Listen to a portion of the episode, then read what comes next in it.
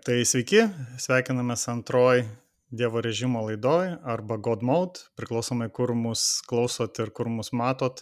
Kaip Dievo režimas mes e, esam StartFM studijoje ir e, pirmąją laidą mūsų debutinę galite rasti StartFM Mixcloud, e, o antroji versija, ilgesnė versija, kur jau be jokių karpimų ir leidžiam savo ilgiau aptarinėti visus klausimus, pavadinom God Mode, kad tiesiog skirtusi šiek tiek ir ją galima rasti visose podcastų platformose, tai yra Spotify, Apple, Google ir kitose mažesnėse. Apie mus informacija ir mūsų kontaktai ir su mumis susisiekti patogiausia, ko gero, Dievo režimas Facebook puslapyje. Taip pat galite parašyti man richardas eta.lzk.lt. Antrąją laidą pradedam kartu su Simonu Vitkūnu. Labas, Simonai. Labas iškart noriu padėkoti visiems, kas e, jau iki šiol spėjot paklausyti ir e, sužinoti apie mus. E, dar tik norėjau priminti, kad anoj laidoje ir šitoj laidoje radio versijoje turim tokią kaip ir konkursą. Norim paklausti, kad paspėliotumėt, kokios dainos skamba ir kodėl svarbiausia. Nes radio laidoje mes galime leisti muziką ir, na, toks norisi kažkaip tą muziką susijęti su to, apie, apie tai, ką kalbam. Tai paklausykit dar pirmos laidos ir šitos ir parašykit komentaruose. O prizas, apie prizą pakalbėsiu netrukus, susijęs su mūsų pirma lietuviška naujiena. Taip pat dar noriu atskirai padėkoti e, Oktai ir Vitalijui Žukui, kurie suteikė galimybę pažaisti Half-Life Alex besirašant temai. Tai labai smagu buvo, ką tik pabaigiau iš tikrųjų. Įspūdžiais, įspūdžiais dalinamės temui. Ir bendrai, va čia ta antroji laida, jinai tokia kaip čia iš skirtingų komandų sudaryta. Tai pradedame su Simu, tada toliau bus Assassin's Creed Valhalla apžvalga su naujais žmonėm, tada užbaigsime, turbūt daugiau negu pusę laidos skirsime pirmai, e, pirmam pusmečiui 20 metų. Tai prieš pradedant jau eiti į naujienas, tiesiog noriu pasakyti, kad dar vieną laidą šiemet spėsim išleisti, e, bus paskutinė sausio 31 diena, o kol kas gero klausimo šios laidos e, ir na, iš karto turbūt palinkėsiu gerų kalėdų saugių ir e, pasimatysim kitose laidose. Pradedam nuo lietuviškų naujienų, e, nes, na, tokia kaip ir svarbiausia susijusi su mūsų šalim, mūsų regionu ir ne tik iš tikrųjų su žaidimais. Tai yra tokia dviguba naujiena du viename. Galbūt teko girdėti ar nedalyvauti renginėje Game On, kuris e, daug jau metų vyko Vilniuje ir, na, ir pats didžiausias Baltijos šalyse tokio tipo renginys, žaidimų kultūros renginys. Ir šiemet dėl įvairių priežasčių ir pagrindė dėl pandemijos jisai nevyko, o kitiem metam e, jo organizavimą perima mūsų na, Lietuvos žaidimų kuriejų asociacija. Tai čia pirma naujienos dalis. O antra naujienos dalis, kad e, kitais metais Gimonas jungiasi su Comic Con Baltic renginiu. E, numatytos datos spalio 2-3 dienos, jeigu viskas bus gerai, su, na, su viruso situacija ir panašiai. Ir uh, Comic-Con e, Baltics komanda pasidalino ir pirmąją, na, turinio naujieną, kuri irgi susijusi su žaidimais.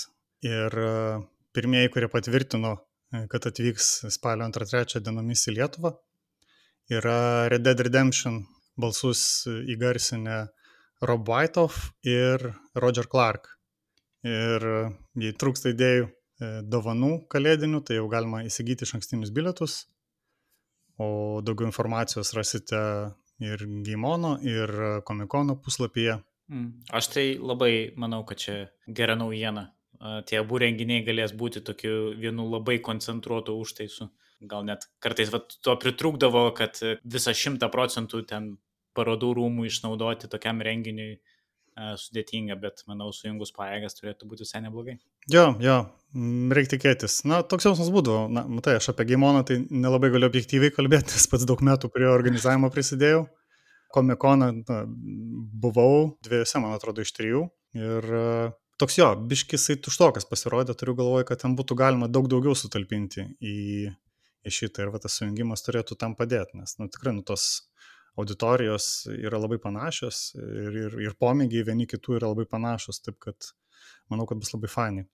Ar tiesa, tai va, susijęs, susijęs su intro šitą naujieną, kad būtent jeigu teisingai atspėsite arba anos laidos, arba šios laidos, pakomentuosit dėl muzikos ir kodėl jinai skamba, tai padovanosim tiesiog biletą į naują būsimą įrenginį.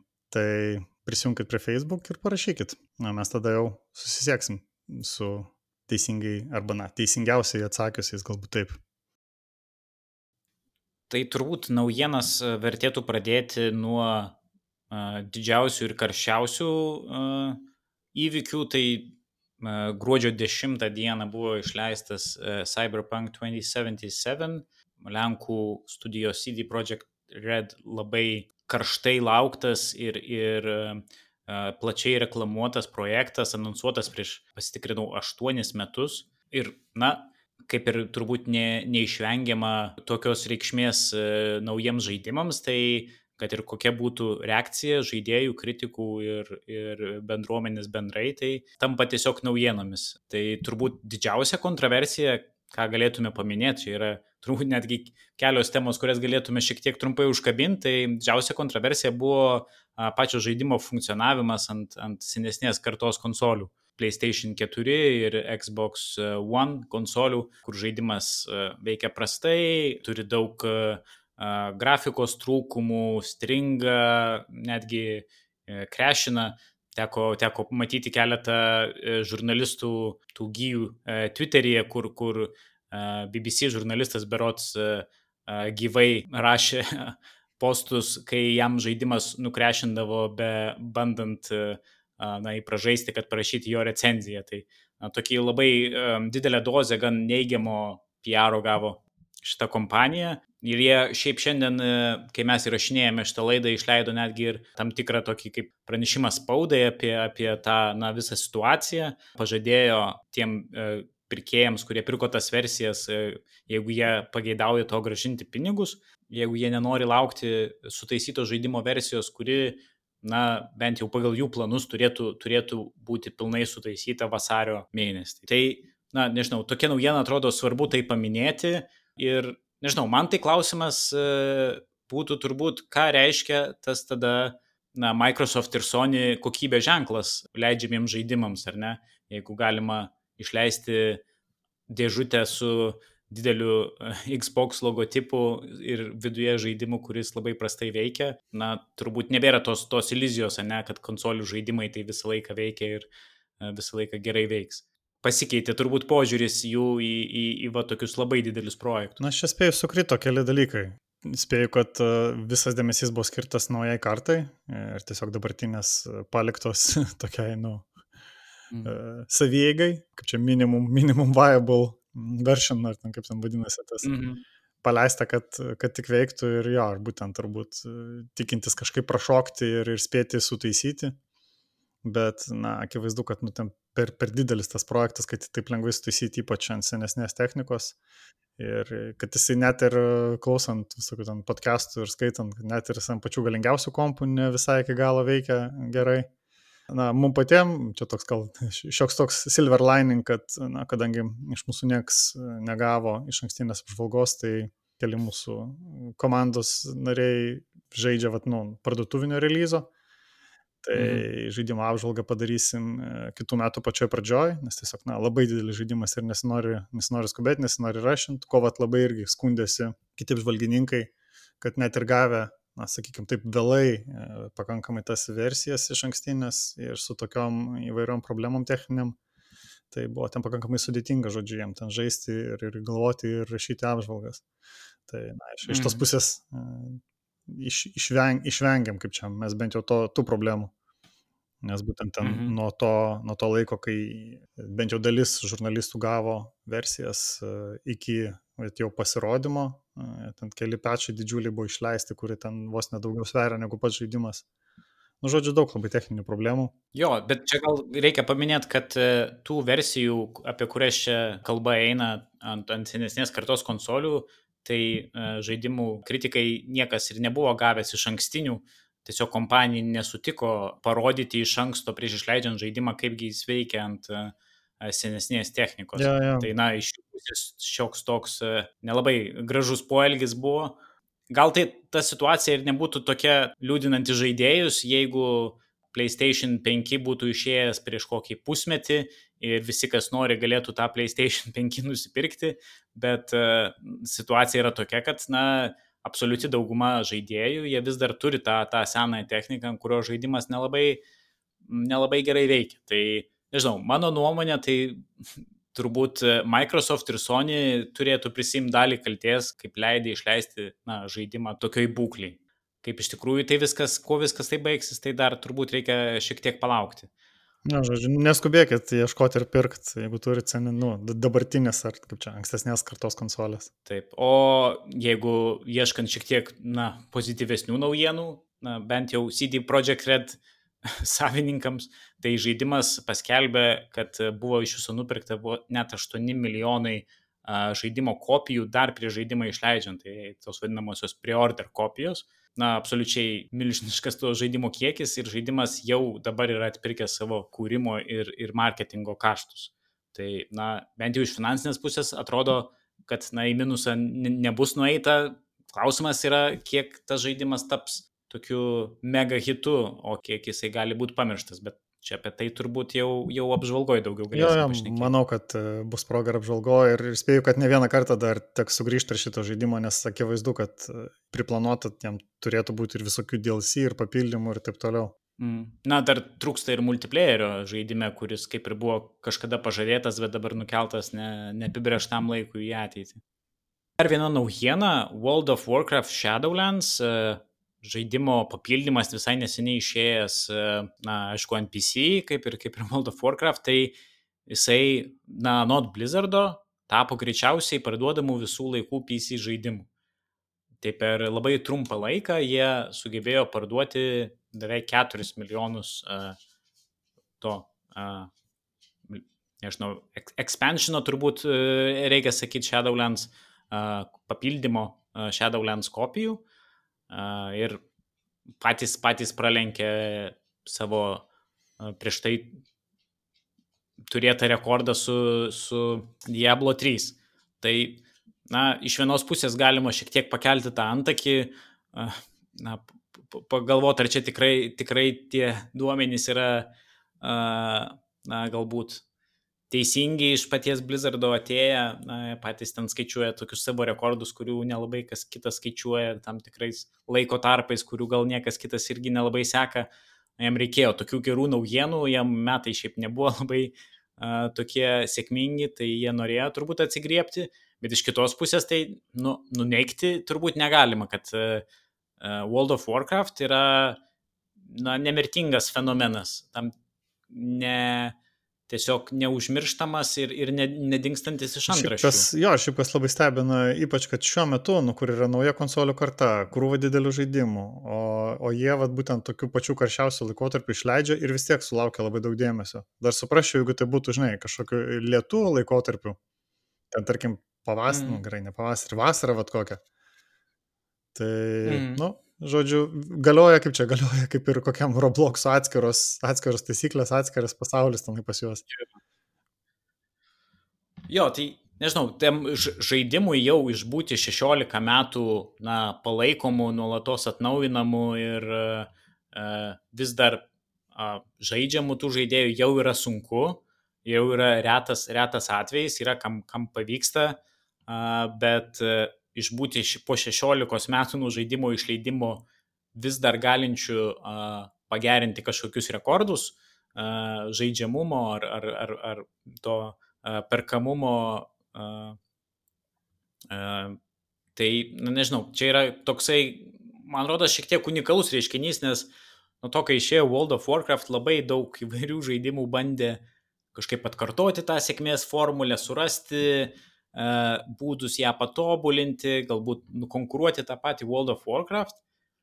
E, tai nežinau, man tai vienintelė išvada, kad kodėl jisai toksai yra e, nemirtingas, tai tiesiog pats Warcraft pasaulis. Žaidėjai turi tiek daug nostalgijos, sentimentų ir tiesiog, na, emocijų suinvestavę į tą, į tą pasaulį ir na, tuos visus veikėjus, kad, na, kol nebus kažkokio World of Warcraft 2, World of Warcraft bus gyvas ir, ir sveikas. Na, čia toks kaip atskiras visiškai, sakau, reiškinys. Nepavaldus laikui, nepavaldus jokiem kitiem dėsniam. Uh, smagu. Taip. Pas mus nemažai kas irgi žaidžia iš mūsų aplinkos, tai gal kada kažkokią vat, paprašysim pasidalinti įspūdžiais iš šito papildymo.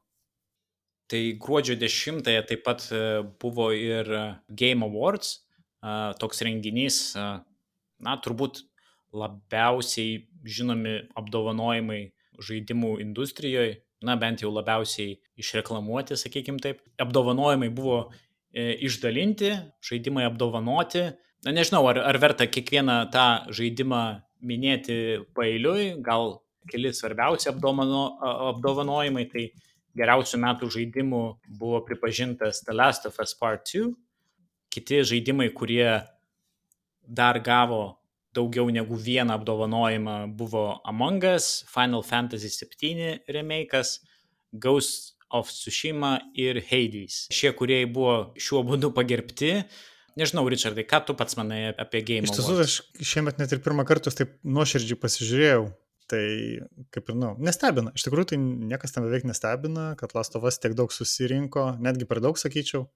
Galima buvo kitose vietose ir, ir kitus uh, išskirti, kas labai kaip čia ir pradžiugino ir kartu nustebino, kad Ghost of Tsushima gavo būtent public apdovanojimą, kur, kur tik žaidėjai renka. Mhm. Nes kaip, aš kaip suprantu, bendrai tai yra pusiau žaidėjų, pusiau komisijos balsai. E, o, o toks vad grinai kaip e, žaidėjų balsas skirtas Ghost of Tsushima, kas atrodo keista, nes tai yra tik PlayStation mm. žaidimas. Kažkaip atrodytų, kad multiplatform turi e, laimėti populiariausią tą vautą. Bet, na, labai išskirtinis žaidimas, apie jį dar e, pakalbėsim kitoj laidoj. Ir apie kitus žaidimus, ir šio, ir kitoj apdovanojimai, aš čia dabar atsidaręs Wikipediją galiu iškart paskaityti, kad apdovanojimai teikiami 90 procentų svarbos teikiant žiūri balsams ir 10 procentų tiesiog žaidėjų, kurie gali balsuoti internetu mhm. balsams. Na, nežinau, mano tai e, gal klausimas buvo labiau ne, ne apie, apie tos apdovanojimus laimėjusius žaidimus, o tos e, Game Awards kaip reiškinį bendrai. Nes uh, na nežinau, aš, aš juos vis pasižiūriu, kiek turiu kantrybės iš, išžiūrėti, bet, na, bent jau aš tai pasigendu juose pačio tokio, na, nežinau, apdovanojimo, pagerbimo ir, a, na, kažkokio, nežinau, prestižo juose pasigendu, nes, na, kaip ir turbūt žaidimų konvencijos ar dar kiti kažkokie panašus tokie į žaidėjų bendruomenę nukreipti renginiai, na, tai Game Awards yra iš esmės tokia dviejų, trijų valandų reklama su tokiais interpėliais uh, paminėti žaidimus laimėjusius uh, vieną, vieną ar kitą apdovanojimą. Man tai kažkaip norėtųsi tokio, nežinau, galbūt ir taip senamadiškai nuskambės, bet na, gal labiau žaidimai turėtų kažkokius savo Oscarus, uh, kur, kur yra pagerbiami kuriejai, kur būtent visas dėmesys yra į, į tuos darbus, kurie yra apdovanojami, o ne į kažkokius ateities projektus, ateities produktus ir, ir, ir rėmėjus. Na, aš spėju, kad didelė dalis žmonių gal ir žiūri ne dėl apdovanojimų, žiūri dėl, dėl anonsų naujų, kur vat, pavyksta, pavyksta organizatoriam pritraukti didelių ekskluziv e, paskelbimų, vat, kaip pernai Microsoftas e, Series X e, paskelbė. O šiemet, mhm. šiemet, na, aišku, iš įrangos nieko nebuvo, bet susirasti, pasižiūrėti, kokie žaidimai buvo paskelbti, kažkokį tai reilą tų visų klipų į vieną vietą turbūt visai verta, nes nu, vis ištraukė ten kažką įdomus ir kažką, kažką stebinančio. Bet jo, aš pritariu, taip sakant, mhm. Reikėtų kažkokių tai tokių, nu, labiau akademinių, sakykime, apdovanojimų. Nors iš kitos mhm. pusės bent jau kai, kai vyksta renginiai, tai kiekvienas turi ir savo. Dar bus sausi, DICE apdovanojimai, aš per daug apie juos nežinau, bet mhm. žinau, kad irgi svarbus skaitosi. Tai va galėsim pasižiūrėti mhm. sausio kažkada į pabaigą laidoj ir pasižiūrėti ir pakalbėti apie juos. Gal būtent jie yra tokie labiau industrijos, labiau tokie akademiniai ir skirti tik kuriejams. Ja. Tik tai jie, na, turbūt nesulaukia tiek dėmesio, kaip, pavyzdžiui, Game Awards. Na, čia pats, pats kaip šou jis yra didelis ja. ir toks, nu, pritraukia dėmesio. Man, aš, aš turiu kažkokią nu, nuoskaudą tiem Game Awards, pavyzdžiui, šiemet buvo Most Anticipated Game Award žaidimo apdovanojimuose. Na, toks, nežinau, man atrodo labai... Aš kažkaip keista. šitą net praleidau, kas ten laimėjo. Laimėjo Elden Ring, kuris turėtų būti naujas Ai, jo, jo. Souls serijos kūrėjo kartu su Džordžu ar, ar Martinu. Toks darbas, kuris buvo anonsuotas berots gal prieš du metus ir, ir apie jį beveik informacijos iki šiol jokios konkretesnės Ja, nėra. labai jau veik, veik venyti apdovanojimas, nieko nereiškia. Tai, na, nežinau, man tai labai keista yra apdovanojimai Most Anticipated Game, kurio dar nėra ir niekas nematė. Tai šiam kartui e, tiek naujienų, o toliau keliausime prie apžvalgos pagrindinės mūsų šios dienos. Dievo režimo antros laidos apžvalgos rubrika šiandien yra skirta Assassin's Creed Valhalla ir šiandien ją aptarsime aš, Andrius Jovaiša ir Vytautas Lukaševičius. Dar žinomas e, turbūt e, Kijo e, E417 pseudonimais, visgi senas vilkas. Iš esmės Assassin's Creed Valhalla abu esam žaidę, abu dar nesam iš tikrųjų jos ir e, sužaidę iki galo, nes tai yra ganėtinai titaniškas darbas, ten apie 80 valandų, man atrodo, reikės susūdyti. Visgi Assassin's Creed serija yra ganėtinai populiari ir ko gero daugelis iš mūsų klausytojų galvoja arba jau galbūt ir žaidžia, bet galbūt planuoja pirkti. Tai vat šiandien pabandysim jums atsakyti į klausimą, ar verta pirkti. Kaip suprantu, tu esi vienas iš tokių se senbuvių šitos serijos, turbūt viską nuo pat pradžių sužaidęs, nes aš esu žaidęs tik tai pirmąją dalį, antrąją dalį, pradėjęs Brotherhood ir paskui vat jau dabar Valhalla.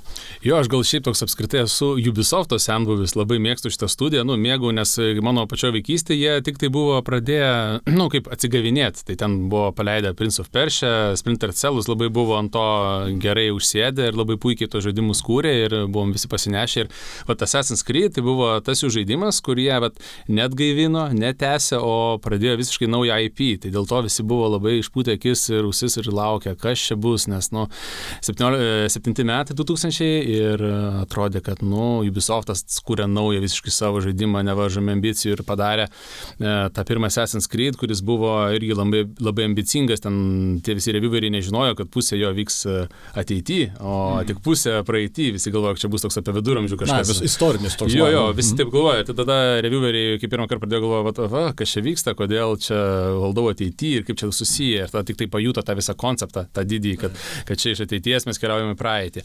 Tai va, nu ir tas žaidimas, aišku, buvo, nu visai įpriemė, be, be, tų, be tų ambicijų, be tų didelių tokių susižavėjimų. Tai, na, turėjo jisai klaidų, jisai buvo toks ir monotoniškas labai, ir, ir vietomis ten ir tokių visokių dar palikta tokių, na, nenušlifavimų. Mm. Jis toks buvo pakankamai rough toks žaidimukas. Tai va.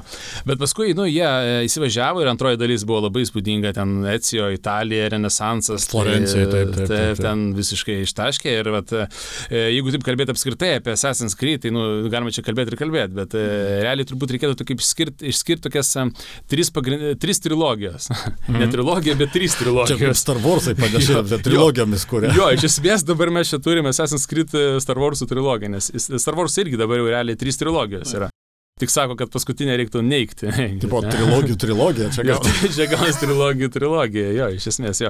Nu ir, ir labai gražiai šiaip susidėlioja dabar viskas. Mes realiai dabar su tavim, ką kalbam, Valhalla yra trilogijų trilogijos pabaiga pati. O dabar pradedam nuo pradžių. Tai pati pirma ta trilogija iš trijų tokių dalių, galima sakyti, susideda. Tai pirmo, antro ir trečio Assassin's Creed. Tai jie labai gražiai apjungia tokią, nu nežinau, kaip pasakyti, Ciklo tokia Jo, arka jo, jo, jo, tai pabaiga arka. Ir, ir kuo, jie, kuo jie susiję, kodėl jie tokia atskira trilogija, nes ten ateitis, ateities visos misijos, dabarties ar ateities, čia sunku labai įsivertinti, e, pasakojama iš e, tokio Desmond Miles perspektyvos, atsėti jį tenais rekrutina, per jį, jisai, per jį pasiekiami tie praeities visi herojai, praeitis pati, tai jo arka visiškai užsibaigė ties ir čia dalim. Dėl to tada visi galvojo, tai kas čia dabar bus, nes nu, iš tikrųjų ta serija truputėlį užsižaidė jau, nu ir kritikai nelabai gerai vertino, ten ne vien dėl to, kad Amerika settingas toks galbūt savotiškas, bet ir dėl to, kad jau nu, mechanikos nebeveikia, jos buvo įsisenėjusios, labai ilgas, bet to žaidimas buvo neįprastai ilgas ir jau kažkaip visiems buvo atsibodę. Ir jie užbaigė visiškai tą arką ir tada visi galvojo, tai kas bus toliau. Tai paskui prasidėjo tokia antra trilogija ir jinai galbūt tokia labiausiai eksperimentinė buvo, nes nu, buvo Black Flag žaidimas, mhm. kuris... e, Piratai. Jo, piratai ir ma- man asmeniškai gal netgi pats geriausias ir daugeliu aš mačiau jis geriausias, nes jis toksai buvo kaip ir, kaip ir paima viską, kas veikia. Pirmoji trilogija ir dar truputėlį pridėjau naujų dalykų, ambicinga, gera grafika, ten jo ir žaidimo tokio pat nebuvo su piratais. Tai jie kažkaip paėmė, tas veikėjas buvo toksai neįprastas, kitoks. Nu, ir paskui buvo Unity, Prancūzijoje, kur Assassin's Creed turbūt vienas buvo. Bet, e, šilpime. vienas blogiausių turbūt, nes ten, kai jis išėjo, ten buvo daug mymų, kaip dabar va, apie Cyberpunką kalba, kad ten e, veikėjų akis tik tai skraido, ten burnos ir nieko nėra, žodžiu, tai daugam nepatiko, jis toks teatrališkas labai buvo, taip kalbėjo, labai taip su manierom viską. Tai va, artojas, pavyzdžiui, labai gyrė, o, o daugeliu nelabai patiko. Kur artojas negyrė? Nu jo, yra, yra, yra silpnybė. Čia off record, manau, bus. Baigėsi ta trilogija vidurinė jau su Unity ten Anglija, ten padarė ir pirmą kartą. Ne, Unity Syndicate. Atsiprašau, jo, Unity galvojau, jo, Syndicate buvo ta pabaiga tos trilogijos ir pirmą kartą pristatė veikėją moterį tokį savarankišką. Prieš tai buvo Liberation, bet ten jis toks pažaidimas nelabai gal toks nu, didelis buvo. Tai čia buvo tokia pilna, pilna, pilnavertė veikėja ir galėjai rinktis ar valdai brolį, ar sesę, žodžiu, abu jie pilnaverčiai buvo ir vat, toks lūžis prasidėjo, sakyčiau, nuo to. O ta trilogija, į tą trilogiją šitą vidurinę vienyje tai, kad, na, ta ateities dalis visiškai buvo, sakyčiau, skrepinta, tas Desmondas, Desmondo niekas nepakeitė ir buvo tiesiog, kad ateina tavo veikėjas iš pirmos mens. Prisijungia aparatą ir, jo, jo, ir išvaro į tą istorinius laikus. Jo, bet tarsi čia tu tarsi ir esi, žinai, pats tas veikėjas iš pirmos mens, žodžiu, ir tu ateini tą apstergo ir, ir viskas negi, nu, labai keista buvo ir fanam ypač, nes viskas per tokią komišką prizmę, žinai, kad maždaug, haha, hi, hi, ten bairiukai tokie labai lengvi korporat, žinai, ir tipo čia pramogos, tai mhm. praeities pramogos ir vos ne kur nori ten keliauji, nu tik tai tau vat, parenka būtent tą ar, ar kitą istorinį e, etapą ir periodą. Ir labai tas, nu, keistai atrodė. Kaip ir e, pirmo trilogijų labai sureikšmino tą ateities visą na, istoriją ir atskirą tokį sužetą, o čia vat net, tai dropna. Paskui jau e, perėjo vat, e, viskas į Origins, kuris jau kryjau po pertraukos padarė, nes iki tol tai kas metus kepė po Asasiną ir visiems jau irgi buvo truputėlį įgrysę.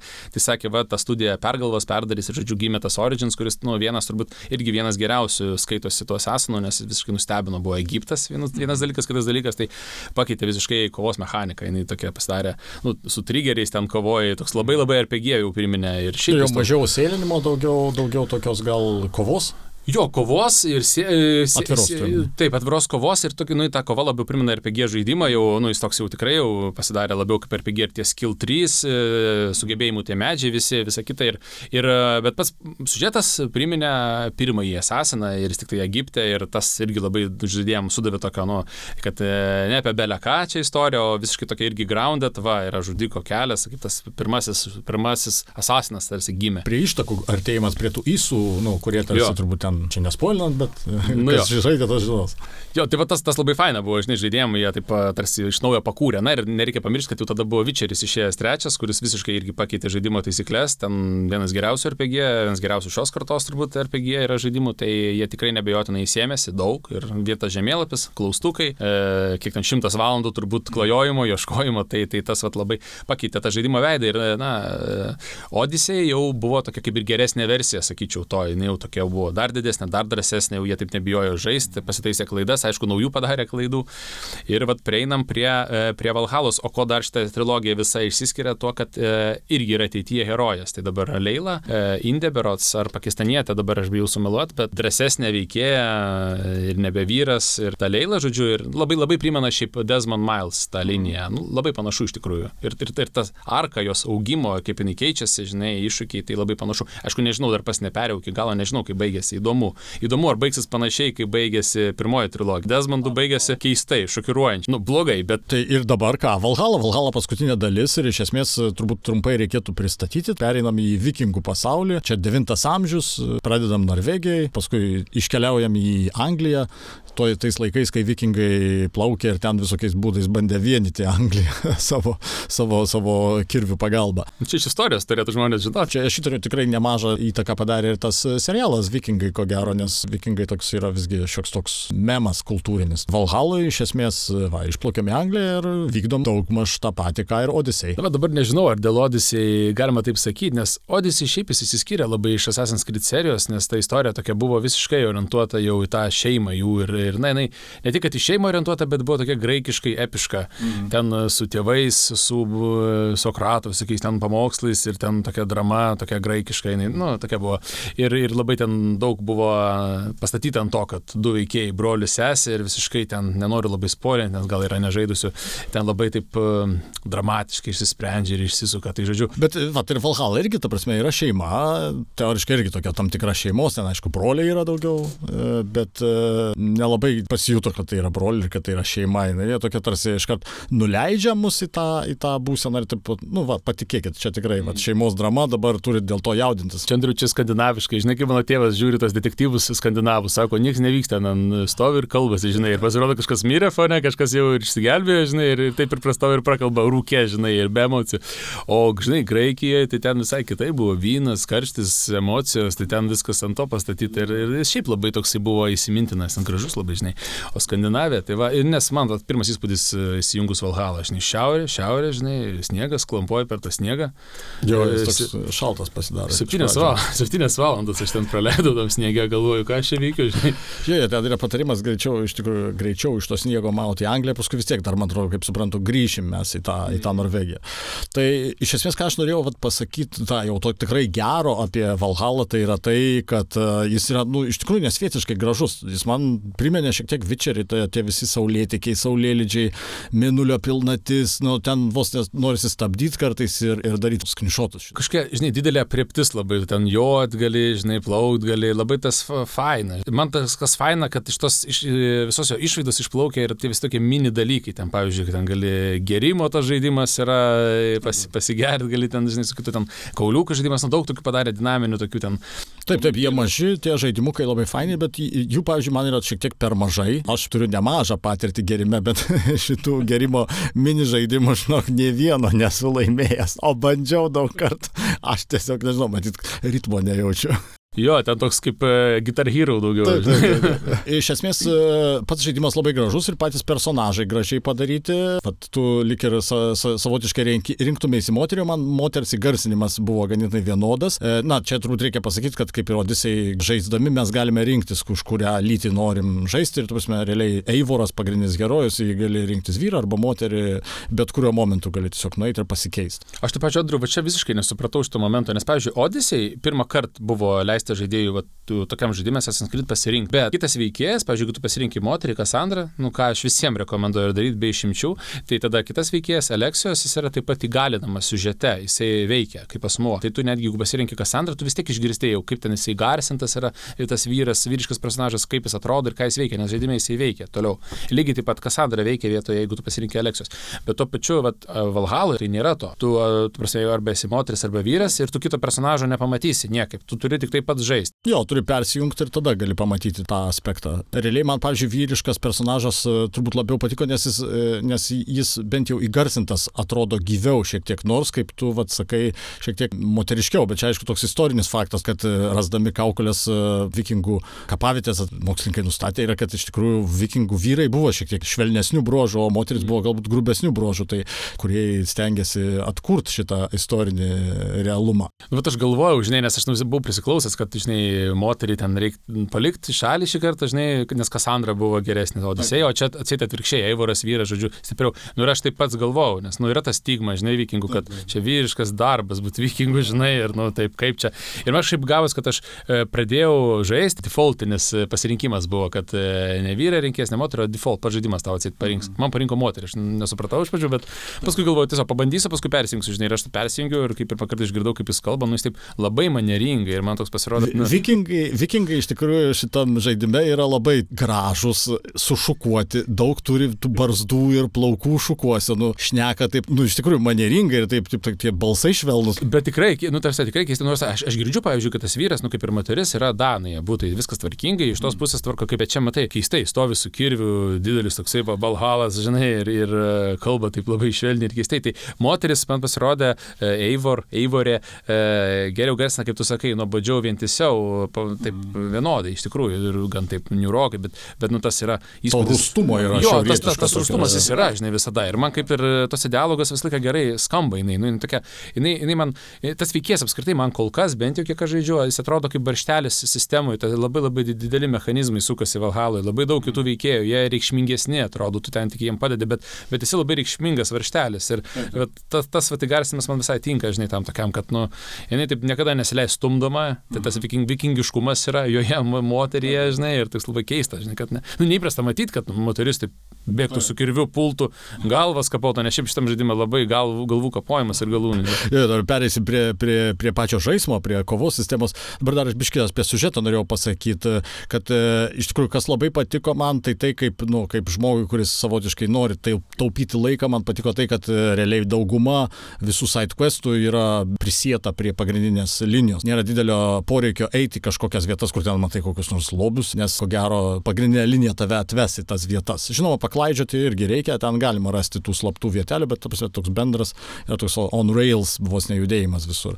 Bet ta va, didelė mašina, kaip tu ir sakai, jinai yra super, tas bendras didelis big picture, kad tu judi kažkokiuose tai dideliuose reikaluose tos Anglijos vienimo, bet, pavyzdžiui, ilgainiui, po kokių 30 valandų jau pradėjo viskas vienodai atrodyti. Jo, jo, dar vienas, dar vienas anglosaksą kažkur sodinsim, ten šitas teisingas, šitas mažiau teisingas, bet čia mums jo reikia. Ir tas toks bravūriškas, kartoniniai tie personažai, tokie jie tas rankas susidėję ant priekio ir kalbasi apie tai, kaip ten kažkam galvas nuims, bet visur tas pokvailis, linksmas stiliukas. Ir, tabas, ir čia šitoje vietoje, žinai, jeigu ei, ei, kaip kuriejas eini į ironiją ir sarkazmą, tai tu turi eiti pilna jėga, o ne tarsi, tarsi viena koja rimtume stovėti, o kita koja stovėti tarsi ironijoje. Ir, nu, ir tada biški toks kognityvinis disonansas apima. Kaip tau šitas va, dalykas? Aš dar matai tiek daug gal neperėjau, nes aš kai tik į Angliją atplaukiu, iš karto tą įsinėriau, tą reidus tos visus, nes nu, tai tas elementas, kurio nebuvo, žinai, anksčiau mm. Assassin's Creed'uose. Ir ką aš pastebėjau ir ką manau labai svarbu pasakyti, apskritai kalbant apie Valhalą, kad pagaliau e, šitą seriją mūsų nei kiek e, nu, nespraudžia į tą rėmą, kad eiktų sėlinti, eiktų labai slapta daryti. Čia vos netų bėgi su kirviu nu, iškėlęs ir eina galvas galūnės. Čia net nesinori sėlinti, nes iš tikrųjų nėra tokio pasitenkinimo iš sėlinimo nužudimo, kaip kad tu gali kokį nors kombo padaryti tenai su dviem skydais, pavyzdžiui, nusekt galvą. Tai va, tai čia pirmą kartą toks dalykas apskritai yra, nu, kad, kad nes netgi Odisei buvo tokių momentų, nu, kur vis tiek tau, vis tiek žaidimas sako, čia gal tyliau, čia gal ramiau ir tu pats jauti, kad tu tą nori daryti, nes nu matai, kad jėgos nelygios tiesiog, žinai, ten tu mm. nepadarys taip. Tai lo, logiška iš tos pusės. O čia logika kaip ir, nu, sako, čia vikingai, tai netgi pir, pirmas atplaukimas į Angliją, ten stovi tie anglosaksai, ten, o, žodžiu, prasideda kaponė, žinai. Ir, pavyzdžiui, man kodėl patiko tas dalykas Valhalui, ta laisvė, kad ten galūnės skrenda laisvai, nes, nu, tai istoriškai vienas dalykas yra, taip ir buvo, o iš tos pusės, tai, pavyzdžiui, Ghost of Sushima vasarą žaidžiau, mėgavaus, tai ten jokios galūnės totoriam e, neskraidė. Ir, nu, kažkaip taip e, galvojau, nu, kad taip yra ir bus, o čia iš vieno iš pasirinkimų pradžioje, kiek ten buvo tų opcijų, kad ten mm. ar, ar, ar nori, kad žaidimas tave vestų ten ar ne. Tai, žodžiu, čia taip labai jau laisvai pažiūrėjau. Šitoje vietoje čia, kovos sistema iš tikrųjų jinai yra ir įspūdinga, ir kvaila vienu metu, nes tas trikštantis kraujas kartais kaip popurė atrodo.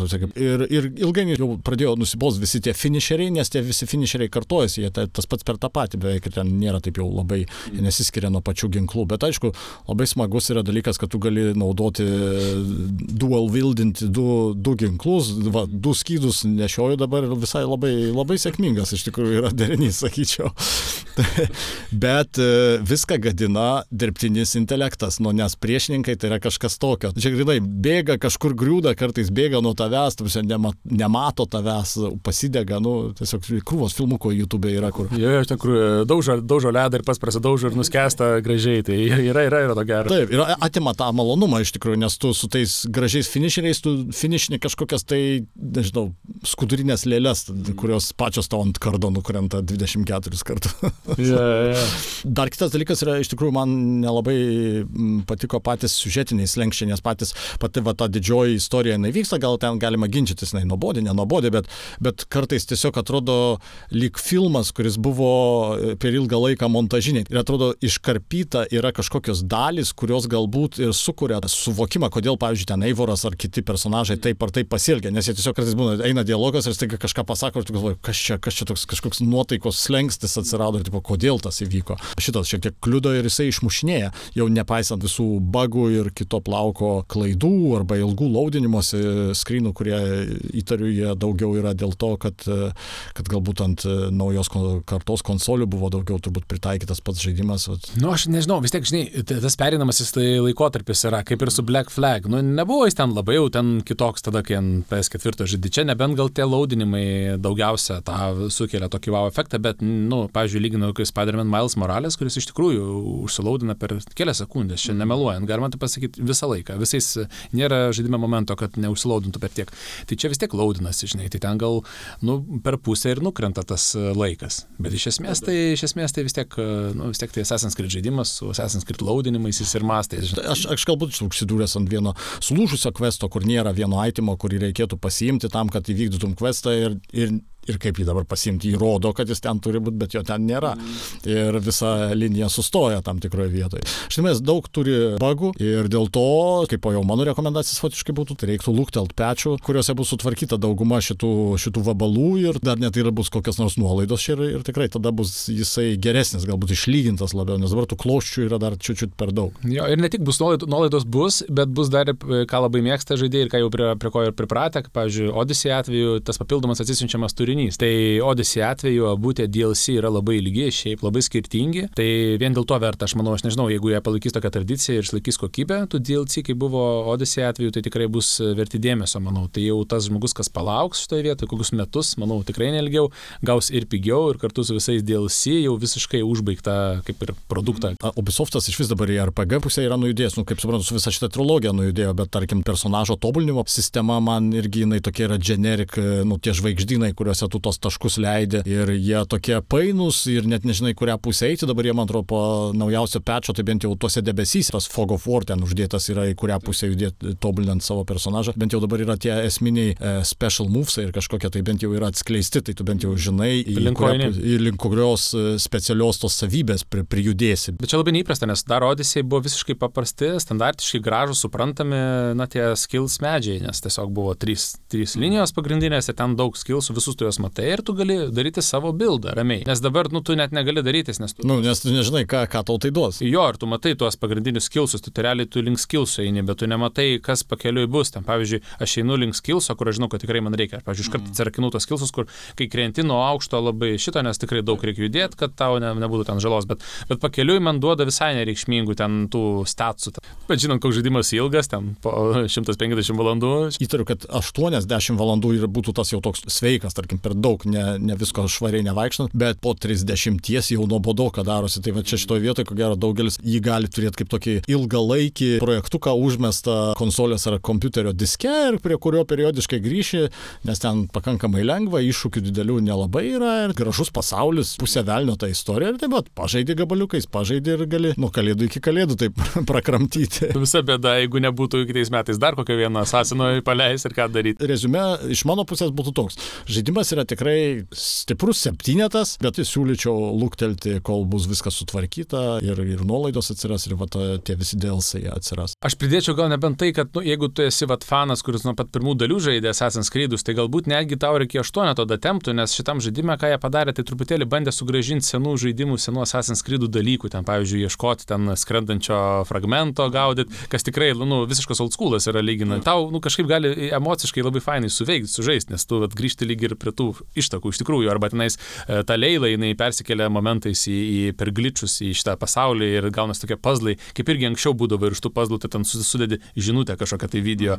Fanai iš tikrųjų, jeigu jie yra ištikimi fanai ir tikrai mėgsta šitą seriją, mėgaujasi jie, tai aš manau, kad gal ir sistems iki aštuoneto, bet iš tikrųjų tenka pripažinti, kad šitas žaidimas daugiau, daugiau tikrai ne, nevertas ir, ir nors, nors tu ką. Dėkui, kad išklausėte mūsų rento apie Assassin's Creed Valhalla. Su jumis buvo Andrius Jovaiša ir... Ir Vytutas. Malonu. Tai sveiki sugrįžę, e, tęsėme antrą Dievo režimo arba God Mode laidą. E, keliaujame prie pagrindinės temos, kurią nusprendėme šį kartą išskaidyti į dvi dalis per dvi laidas, kadangi na, metai artėja į pabaigą ir e, nusprendėme, kad reikia apžvelgti, kas svarbiausia įvyko šiais metais, kokios pagrindinės naujienos ir įdomesni žaidimai pasirodė. Tai kalbėsime kartu su Andriumi Jovaiša. Sveiki. Simonu Vitkūnu. Sveiki ir Artūru Rumensavu. Labą. Planas yra grubiai, grubiai skelti į dvi dalis e, laidą per mėnesius perbėgti ir pirmoje laidoje aptarsime pirmą pusmetį, kurio, nežinau, turbūt daug kas jau ir nebeatsimena, nes buvo prieš, kaip ten sakė, 20 metai patys ilgiausi buvo istorijoje. jo, yra metai iki kovo ir... ir tai va čia būtent, tai aptarsim, kas buvo iki kovo, e, per kovą ir paskui iki birželio, užbaigsim birželio pabaigą, nes tikrai buvo keletas, nu, labai labai stiprių žaidimų uh, ir keletas tokių uh, šiek tiek mažesnių, bet kurios vis tiek verta paminėti ir, ir įdomesnių bent jau kažkokiais savais kampais. Ir keletas pagrindinių tokių naujienų. Pradedant nuo sausio, dažniausiai ten sausi, sausi vasarį. Jo, nieko žaidimų pasaulyje nevyksta, tai aišku, ten tų žaidimų išleidimų keli buvo, keli buvo tokie mm, lik ir indį įdomesni žaidimukai, bet dabar nieko, nieko tokio, kas uh, kas kažkaip užkabintų ir apie ką būtų galima pakalbėti. Vienintelė, vat, kas, kas išlindo, e, išsiskyrė galbūt ir, ir, ir mums kažkiek gal svarbu, tai yra, kad e, Tencentai didžioji Kinijos kompanija nupirko Fancom. E, Fancom tai yra Norvegijos studija, kuri turbūt daugam žinoma Lietuvoje dėl, dėl savo žaidimų The Longest Journey. Na, to, taip, taip. Man jinai yra labai svarbi, nes Longest Journey buvo vienas iš pirmųjų žaidimų, kurio aš apžvalgą rašiau. Taip, čia vienas mano irgi vienas tų adventure žaidimų, kurį, kurį atradau pakankamai vėlai ir, ir iki šiol įsimylėjęs ir visus Indigo, Fahrenheit Indigo Prophecy ir dabar Dreamfall Chapters irgi žaidžiu. Netgi. Jo, nu, tu žinai, jie, jie tokie kaip buvo to, to žanro, ne, ne tai, kad pradininkai, bet jie kažkaip labai sugebėjo įtraukti, paskui jie taip įdomi, kad nuėjo į online. Tai Secret World nėra jau.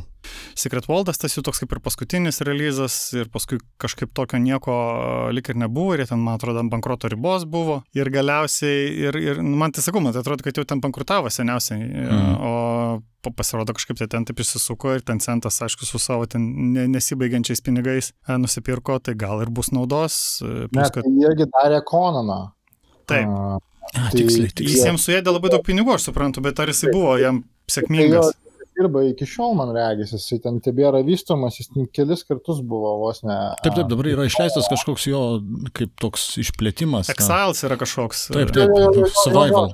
Kalbu, Conan Exiles, tai yra toks survival gėjimas, kokį madingas tas žanras dabar, kur tu tipo atsirandi pasaulį, bėgioji nuogas ir darai nesąmonės. Tai viskas vyksta Konano šitoj e, visatoj, ten gali kitus žaidėjus savo vergais versti, ta prasme, jis toks konaniškas Konanas. Nu. Ir jam blogai šiaip sekasi, jis visai, jis ant visų platformų yra, jis, jis visai pastebimas žaidimas šiaip. A, žodžiu, vis dar jisai gyvas, ne, ne, neuždarė. Ne. O ar to jau tas e, Funkomo, vat, būtent Dreamfall Chapters ir čia visi ta The Longest Journey yra tas autorius už jo slepiasi, tai, nu, aš nežinau vardu pavadinti. Taip, taip, norėjau, norėjau apie jį paminėti. E, Ragnaras Tonkus tas A, ir čia siejant irgi su pagrindinė mūsų naujiena šios dienos. Tai jisai buvogi, pavyko mums jį prisikviesti į Gimoną. Prieš kiek čia metų? Prieš tris kokius, ne, Arturai? Mm, turbūt jo. Arba prieš keturis. Dabar sunku pasakyti, šitų metų neskaičiuojam. tai žodžiu, ir galima pasieškoti, YouTube tikrai bus įrašas jo paskaitos ir interviu, Vytautas, man atrodo, su juo spėjo pasidaryti, e, tai toks, nu, tikrai labai fainai buvo tokį žmogų atsivežti. E, ir, ir va, Tai ne, tai tokia... Pankoma dar buvo ir, nu, jisai tik tai jau atvažiavęs buvo iš Metfingerių, bet šiaip vienas, nu, jisai su Fankomu dirbo nuo pat praktiškai atkūrimo Miguelis Karonas. Ai, Karonas tai, irgi dirbo su Fankomu. Taip, taip. Teisingai, jis Kanadui buvo su jais geras. Taip, ir jis pirmais metais, kai pranešimą skaitė, jis apie komunikaciją įstaig, e, žaidimų, kurie įmonėse skaitė paskaitą, jis būtent daugiausiai Fankomo patirtimi rėmė, jis buvo tik pradėjęs su Metfingeriais dirbti tuo metu. Geras, nu tai va, tai dar vienas įrašas, ko tikrai labai verta pasižiūrėti, nes vat, Karono paskaita labai buvo įdomi. Tai va, tai toks, e, tokia, nu, sakyčiau, fainai vis tiek naujiena, kažkokia, ai va, dar, dar vienas dalykas, kad jie, nežinau, ar čia aišku bus gerai ar negerai, bet jie turi Dune licenciją. O. E, tai va, kažką gal sugalvosiu tuo, labai įdomu, aišku, čia dar klausimas, kaip ten iš vis baigsis tais filmais su viskuo. bus gerai. Bet e, jo, labai, labai įdomus pasaulis, tai jeigu jie kažką vat, su, su tencentų pinigais, gal kažką ir pavyks jiems padaryti įdomaus. Tu, tu pasakai Dune, tai aš iškart prisiminiau, žinai, Warcraftą ir tada pagalvojau apie sausį ir jūs nenorit visai kalbėti apie tai, kad sausį išėjo Warcraft 3 Reforged. Žaidimas, kuris reforgino tikėjimą, kad Blizzardam pareina ragai. nu, tai labai įdomu. Čia, žinai, atvira tema, gali visi pasiūlyti. Tai buvo labai, mano, mano gyvenime tai buvo labai reikšmingas įvykis. Aš jau senai nu, laikau pykti ant Blizzardų, bet turbūt būtent šitas Warcraft 3 Reforged startas buvo ta vieta, kur jau e, tu suvoki, kad nu, viskas metas nusimti fanbojaus kelnytės ir kepurėlę, nes nu, jiems jau yra negerai. Dėl tai to, kad... turbūt net ne, ne tik mes, ne norėjom kalbėti apie tą žaidimą, pats Blizzardas nelabai nori apie jį kalbėti ir bando kažkaip jį kitom naujienom uždengti, kol visi jų pažadai, ką jie žadėjo, kad sutaisys, yra neįgyvendinti iki šiol. Taip, todėl kad, nu, tai yra tiesiog kažkoks absurdas, tai kas nutiko su Blizzard apskritai iš tų metų pradžių, ten tuo pačiu metu praktiškai buvo Reforge skandalas ir esporto skandalas su tais uh, Tibeto reikalais, atsiprašau, Hongkongo. Tai, tai tikrai, va, jiem metai tai blogai prasidėjo, jiems iki kovo turbūt vieni metai prabėgo. O fanboyus turi tik kelnytės ir kepuraitę, jis marškinėlių neturi, ne? Ne, baigtų.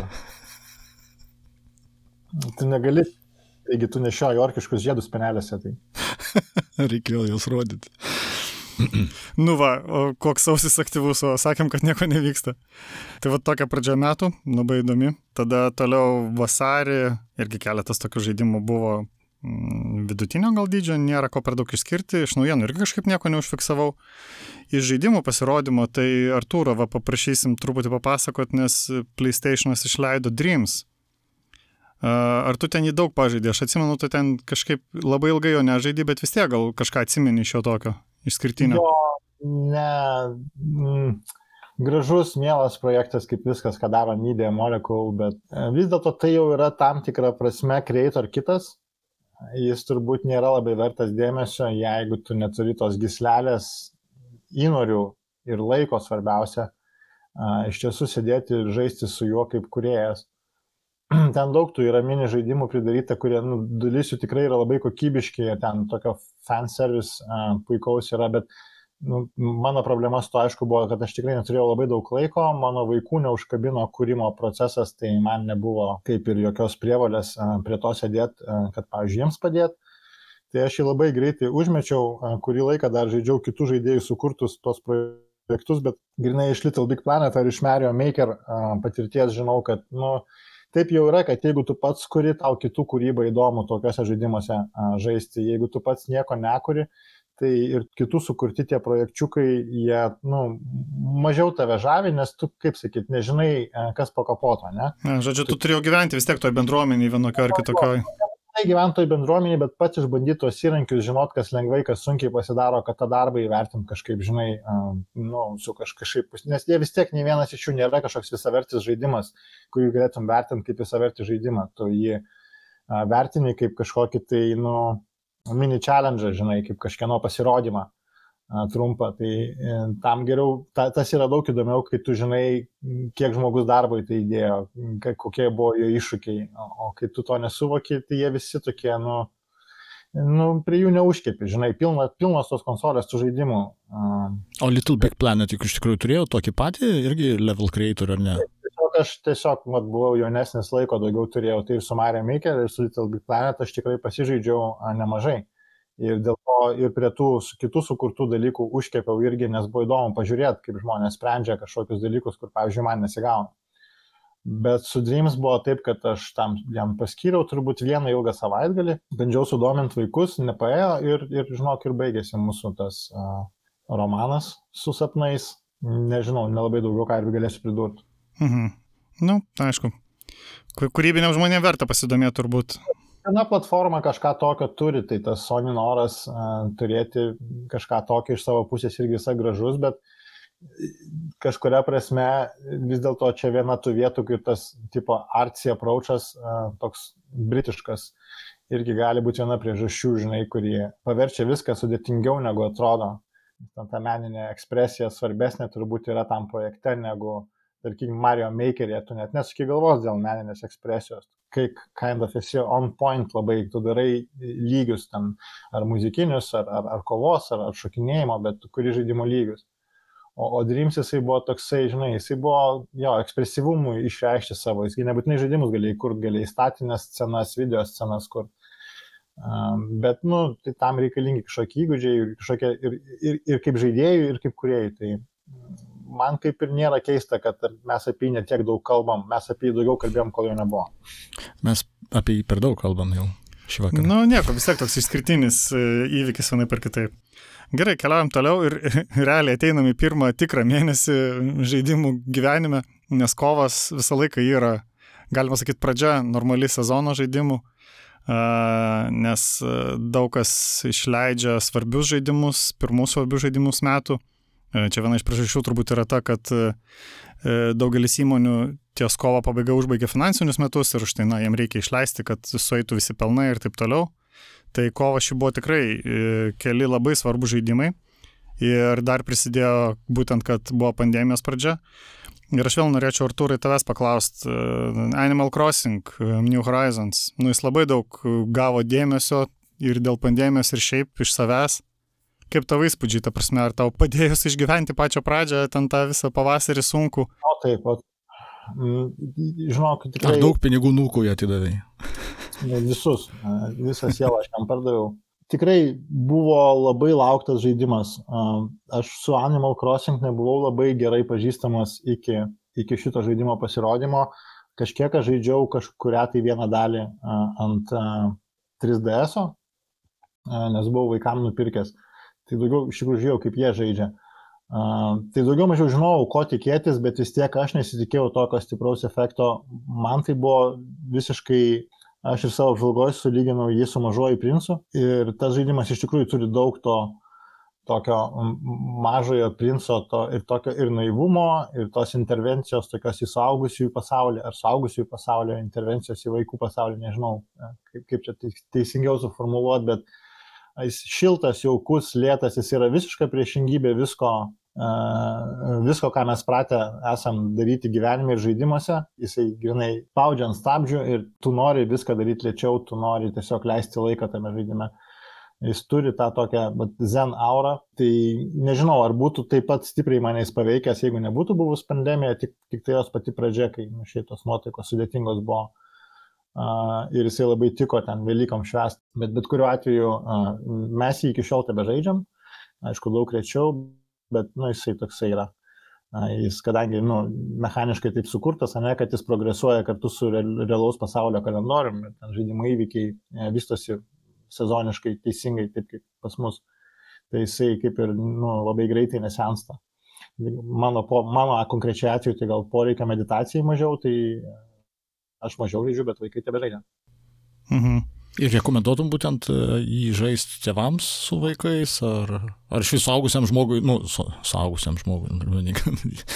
Tiesą sakant, manau, tai yra vienas tų žaidimų, kur jeigu vaikus palikt žaisti vienus, visiškai vienus, tai greičiausiai bus daugiau laiko gaišimo negu pramogos ir žaidimo. Dėl to, kad ten tas grindas to žaidimo, jis labai banalus ir paprastas, ta žalias ravėt, bet tu nu, gali, nu, kaip sakyt, prasidėti 3 valandas ir praravėti žalias be jokio iš tikrųjų tikslo gilesnio.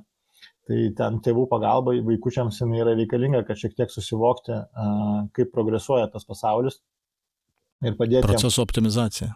Jo, iškelti jam tikslus, galbūt pasižiūrėjus, ką žaidime parašyta, bet tai sakyčiau, kad nu, tėvų priežiūra būtina yra, nes ir netgi jeigu žaidžia paaugliai, tokie jaunesni, nu, ten, nežinau, 12-13 metų jau jie gan gerai šneka angliškai, ten tie Tomo Nuko, kitų personažų dialogai, ir tą pasaulio konstrukciją, ypač ant finansinės dalies to pasaulio, irgi gali, norė, nu, gali norėti truputį įsikišti į kažkokį dialogą ir, ir truputėlį, kaip sakyt, patiesint tai, kaip vaikas priima tą informaciją iš to žaidimo, kaip jis suvokia tos dalykus gyvenime, paskolų klausimai ir panašiai, nes tam tam žaidime tai viskas yra tokia pseudo satyra bet jinai taip, nu, nelabai satyriškai pateikta, pakankamai tokių vaikiškų banalių tiesmukų tekstų, ten prūdina tau tas paskolas vieną po kitos atrodo keistai.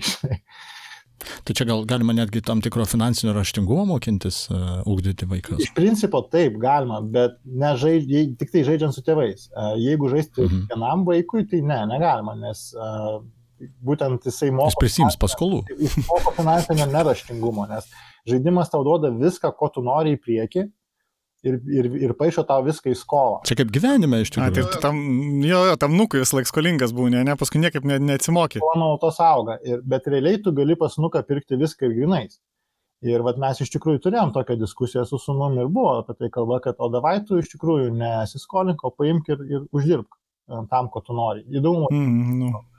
Tai tokių pokalbį esam turėję, taip. Todėl, kad, na, nu, aš turiu tą įsitikinimą, kad vis dėlto tos patirtis, kurias mes įgaunam žaidimuose, jos turi tendenciją transformuotis į kažkokius tai mūsų gyvenimo įpročius. Ir va tas gyvenimas į skolą turbūt nebūtų vienas tų įpročių, kur norėtų įdėkti vaikui. Mhm. Nu super, labai gera rekomendacija, tikrai man kažkaip vat, labai lab, labiausiai norėjosi vat, apie šitą žaidimą iš metų tokios vat, pačios pradžios išskirti, nes nu, ir šiaip jisai davė patiems žaidimam kaip reiškiniui labai daug dėmesio, nes nu, visi apie jį rašė absoliučiai mhm. visos įmanomos spaudos ir, ir, ir tyrimai vyko ir taip toliau. Nu, žodžiu, labai rimtas, labai svarbus įvykis. Jeigu neteko domėtis, tai būtinai pasidomėkit. Animal Crossing. New Horizons. E, taip, toliau kitas įvykis, kuris visiškai mano supratimu priešingą efektą turėjo būtent dėl pandemijos pradžios e, ir būtų visai turbūt kitaip sureagavę, na, galbūt buvo, būtų gavęs daug daugiau dėmesio, nes pagal mane jisai nu, ne, negavo labai daug to dėmesio, kiek buvo galima tikėtis.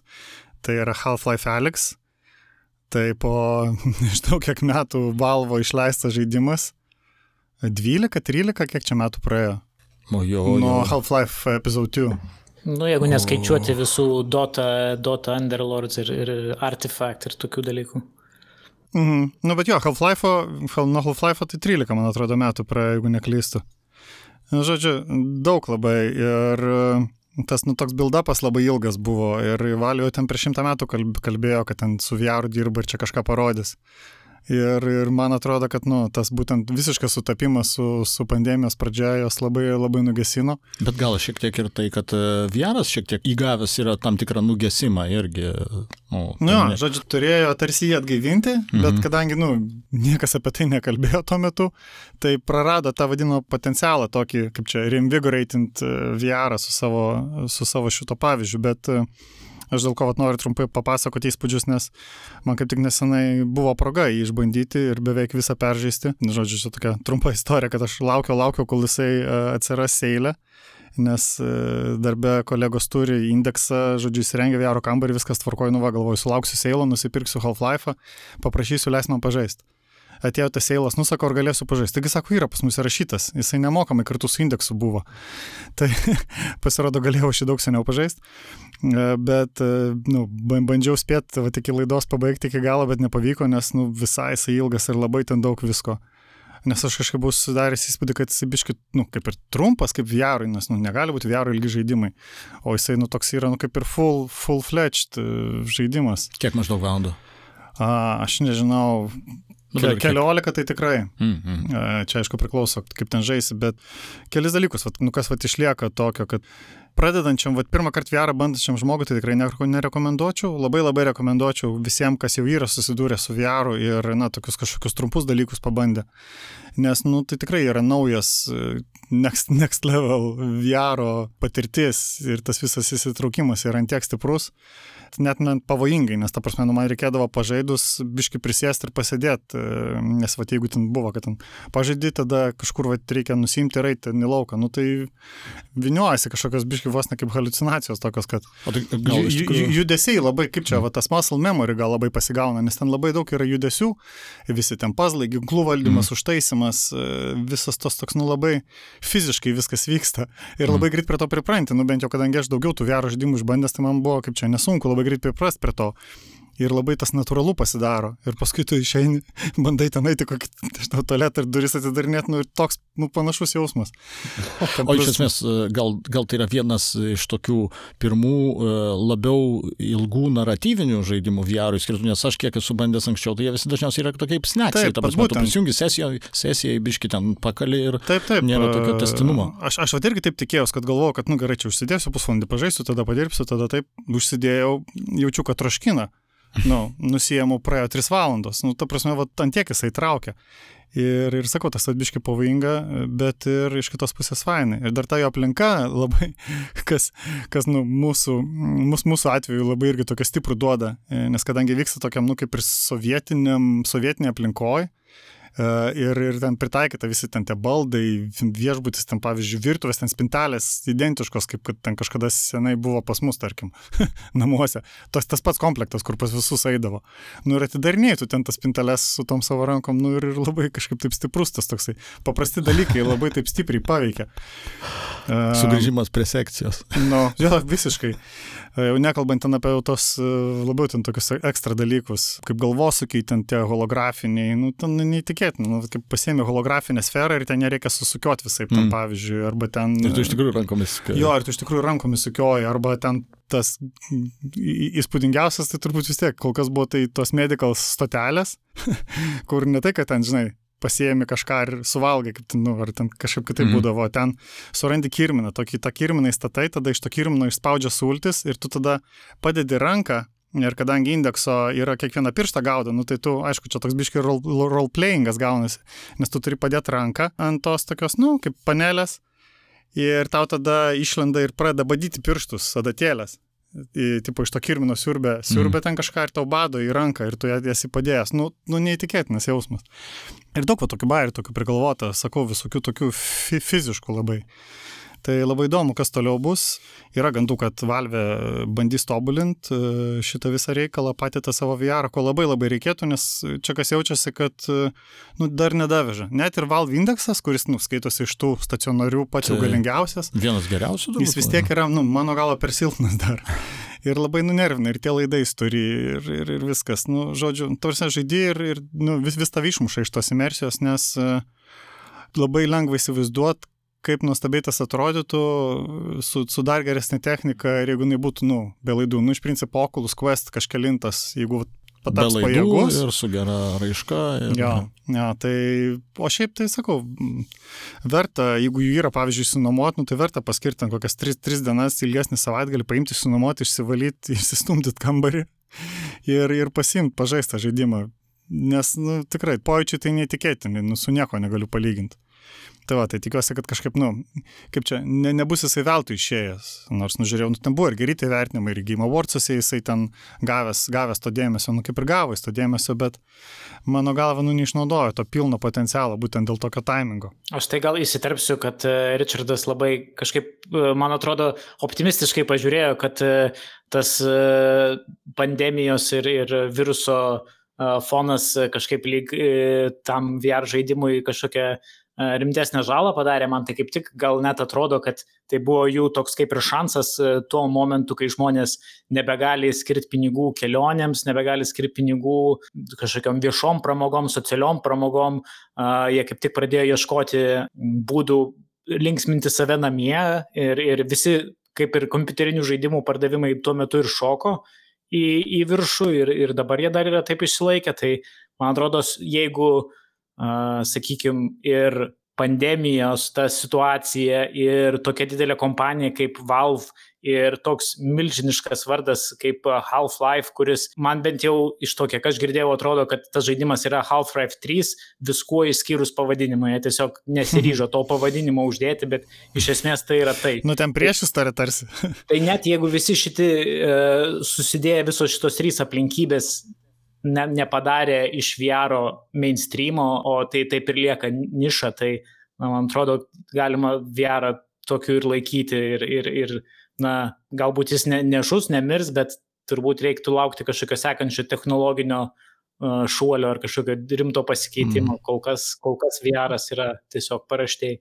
Jo, visiškai minčiai, aš irgi kažkaip tai jau dar iki iš tikrųjų Alex išėjimo, aš nemaniau, kad Alex ką nors galės pakeisti. Uh, nes, sakykime taip, VR technologijos įgytas pagreitis buvo per menkas, o dar tas pats Alex projektas iš principo, va, kaip ir Richardas minė, dar šiek tiek nu, stumė tą technologinę pusę paties VR. -o. Ir iš tikrųjų, nu, taip jau yra pas mus, kad kai, nu, technologinė pusė yra įdomi early adopteriams.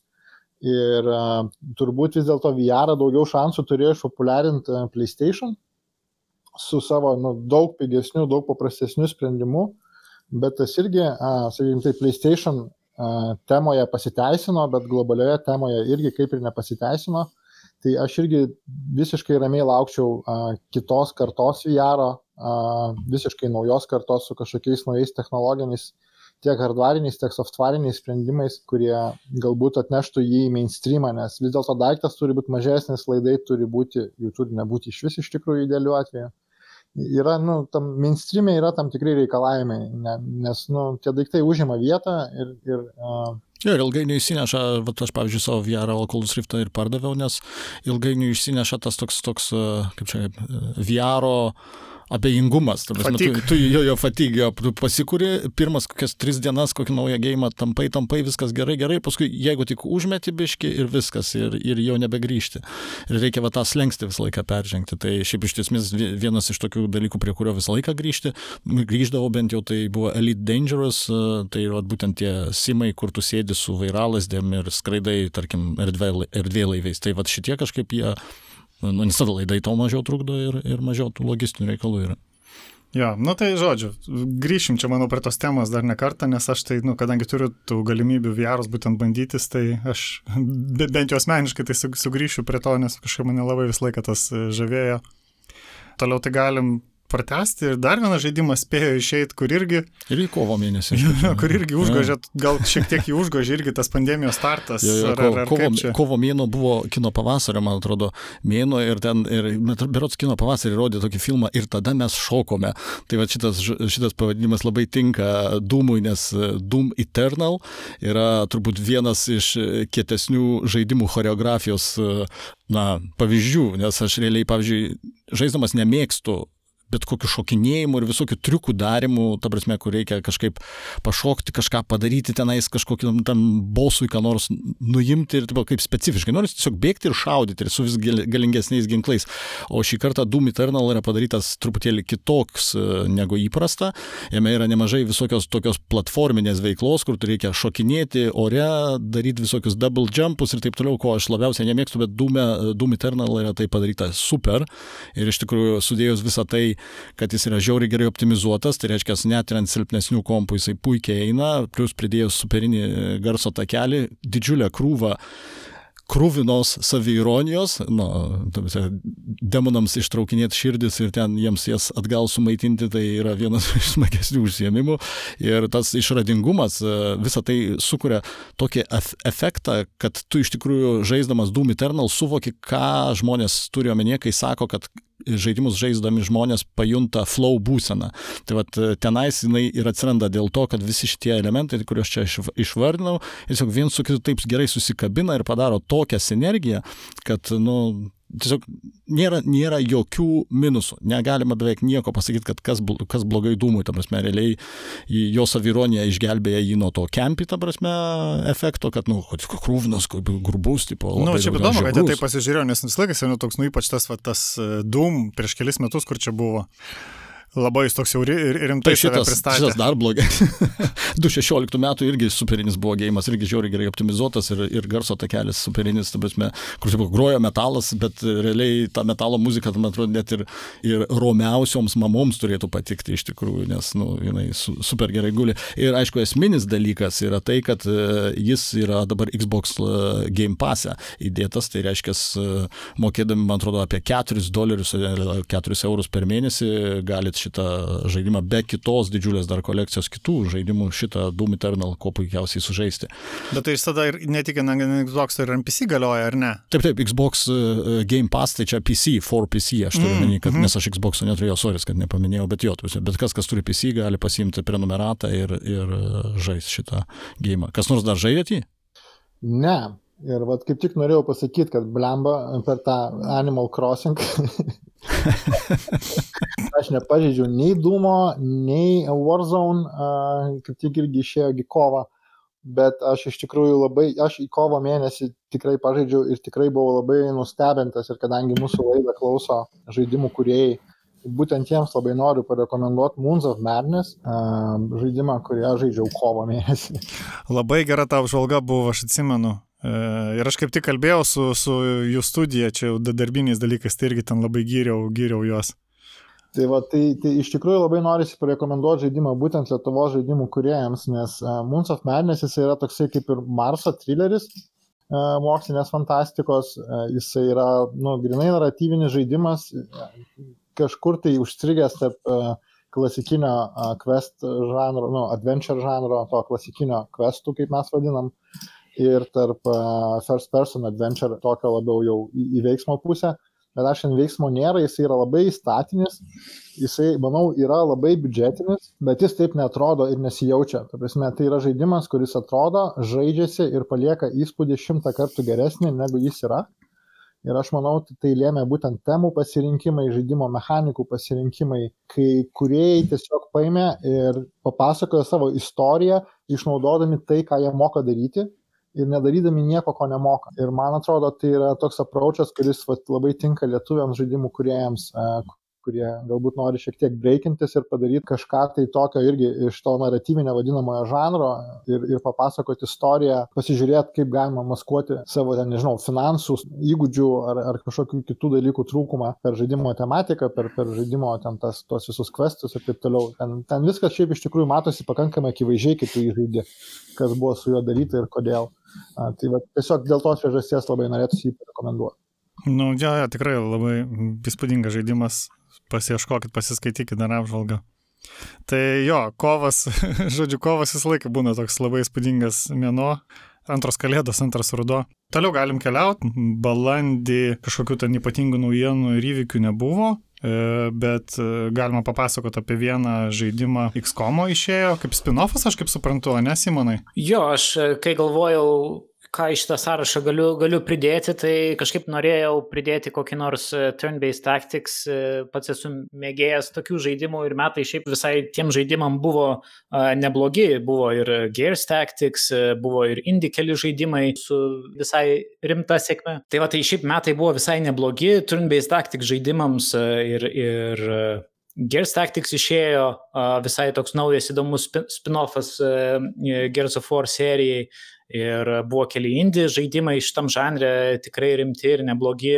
Wasteland 3 turi puikų turn-based tactics komponentą ir, taip toliau. Tai aš tokį gal pasirinkau netipinį sprendimą būtent pakalbėti apie XCOM Chimera Squad, bet jis man pasirodė įdomus dėl, dėl vienos priežasties, dėl, dėl kurios jis man ir atrodė na, šviežias ir geras. Tai ta priežastis yra, kad kaip tu ir minėjai, jis yra na, jis kaip ir spin-offas tos serijos, bet jis, na, eina po XCOM vardu, jisai ne, ne, nepersivadina, jisai tą pačią vėliavą nešasi, tačiau tai nėra toks pat žaidimas kaip XCOM, Enemy Unknown ar XCOM 2, jis yra kur kas mažesnis, kur kas paprastesnis, jo mastelis kur, kur kas smulkesnis yra.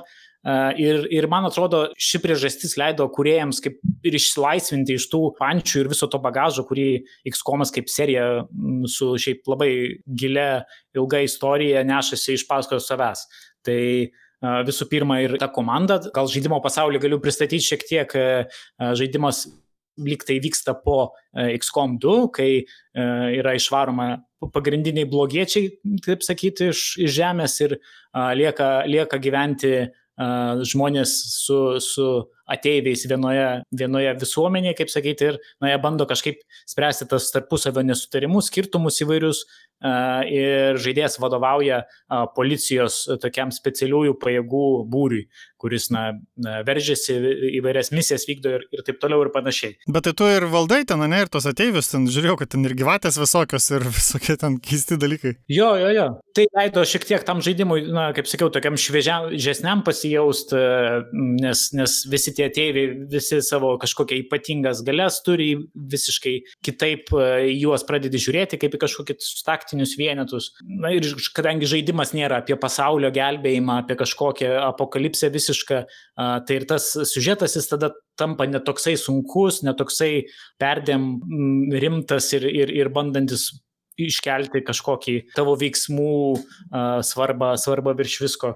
O tai daugiau toksai, na, nesakyčiau komedija, bet toksai draugų pašnekėsių lygių dialogai kartais netgi pasirodo žaidime, kas irgi buvo gana neįprasta XCOM. E. Tai ir iš taktinės dalies jie šiaip prieėmė daug visai tokių įdomių sprendimų, tuos ėjimus žaidėjo sudalinti po vieną veikėją, o ne visus veikėjus iš karto duoti judinti kas šiek tiek e, atvėrė naujas, naujas erdves žaidimų dizainai, jam e, statyti kitaip scenarius, kitaip pačiam žaidėjui galvoti, kaip jisai elgsis. Ir kaip ir sakiau, man, man tai atrodo visi tie dalykai atėjo iš šito labai sveikintino sprendimo e, nedaryti XCOM 3, 4 ir 5, na, jie turbūt ir bus daromi, bet, bet kažkaip pasižiūrėti paprasčiau į tą XCOM vardą, kad tai nebūtinai turi būti labai didelis žaidimas už 60 dolerių parduodamas, o tai gali būti toj pačioj linijoje ir kažkas labiau eksperimentinio, lengvesnio, pigesnio, nebūtinai e, su dideliu biudžetu, bet, bet galbūt su daug, e, daug širdies ir daug charizmos. Daug žaidimų serijų, man atrodo,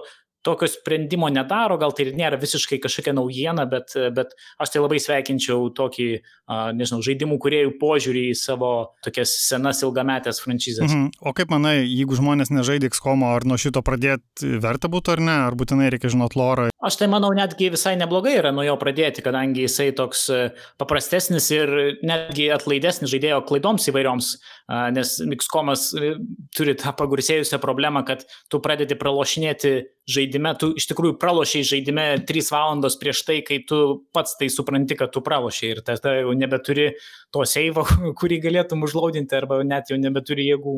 Linksim, linksim galvom, mes čia susėdę.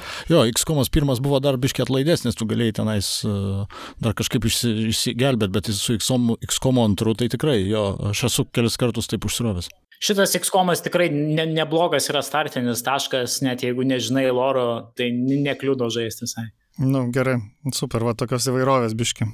Aš taip trumpam labai staptelčiau, nes šiaip balandis dar buvo labai labai nu, mešlinų remake'ų mėnuo. Aha.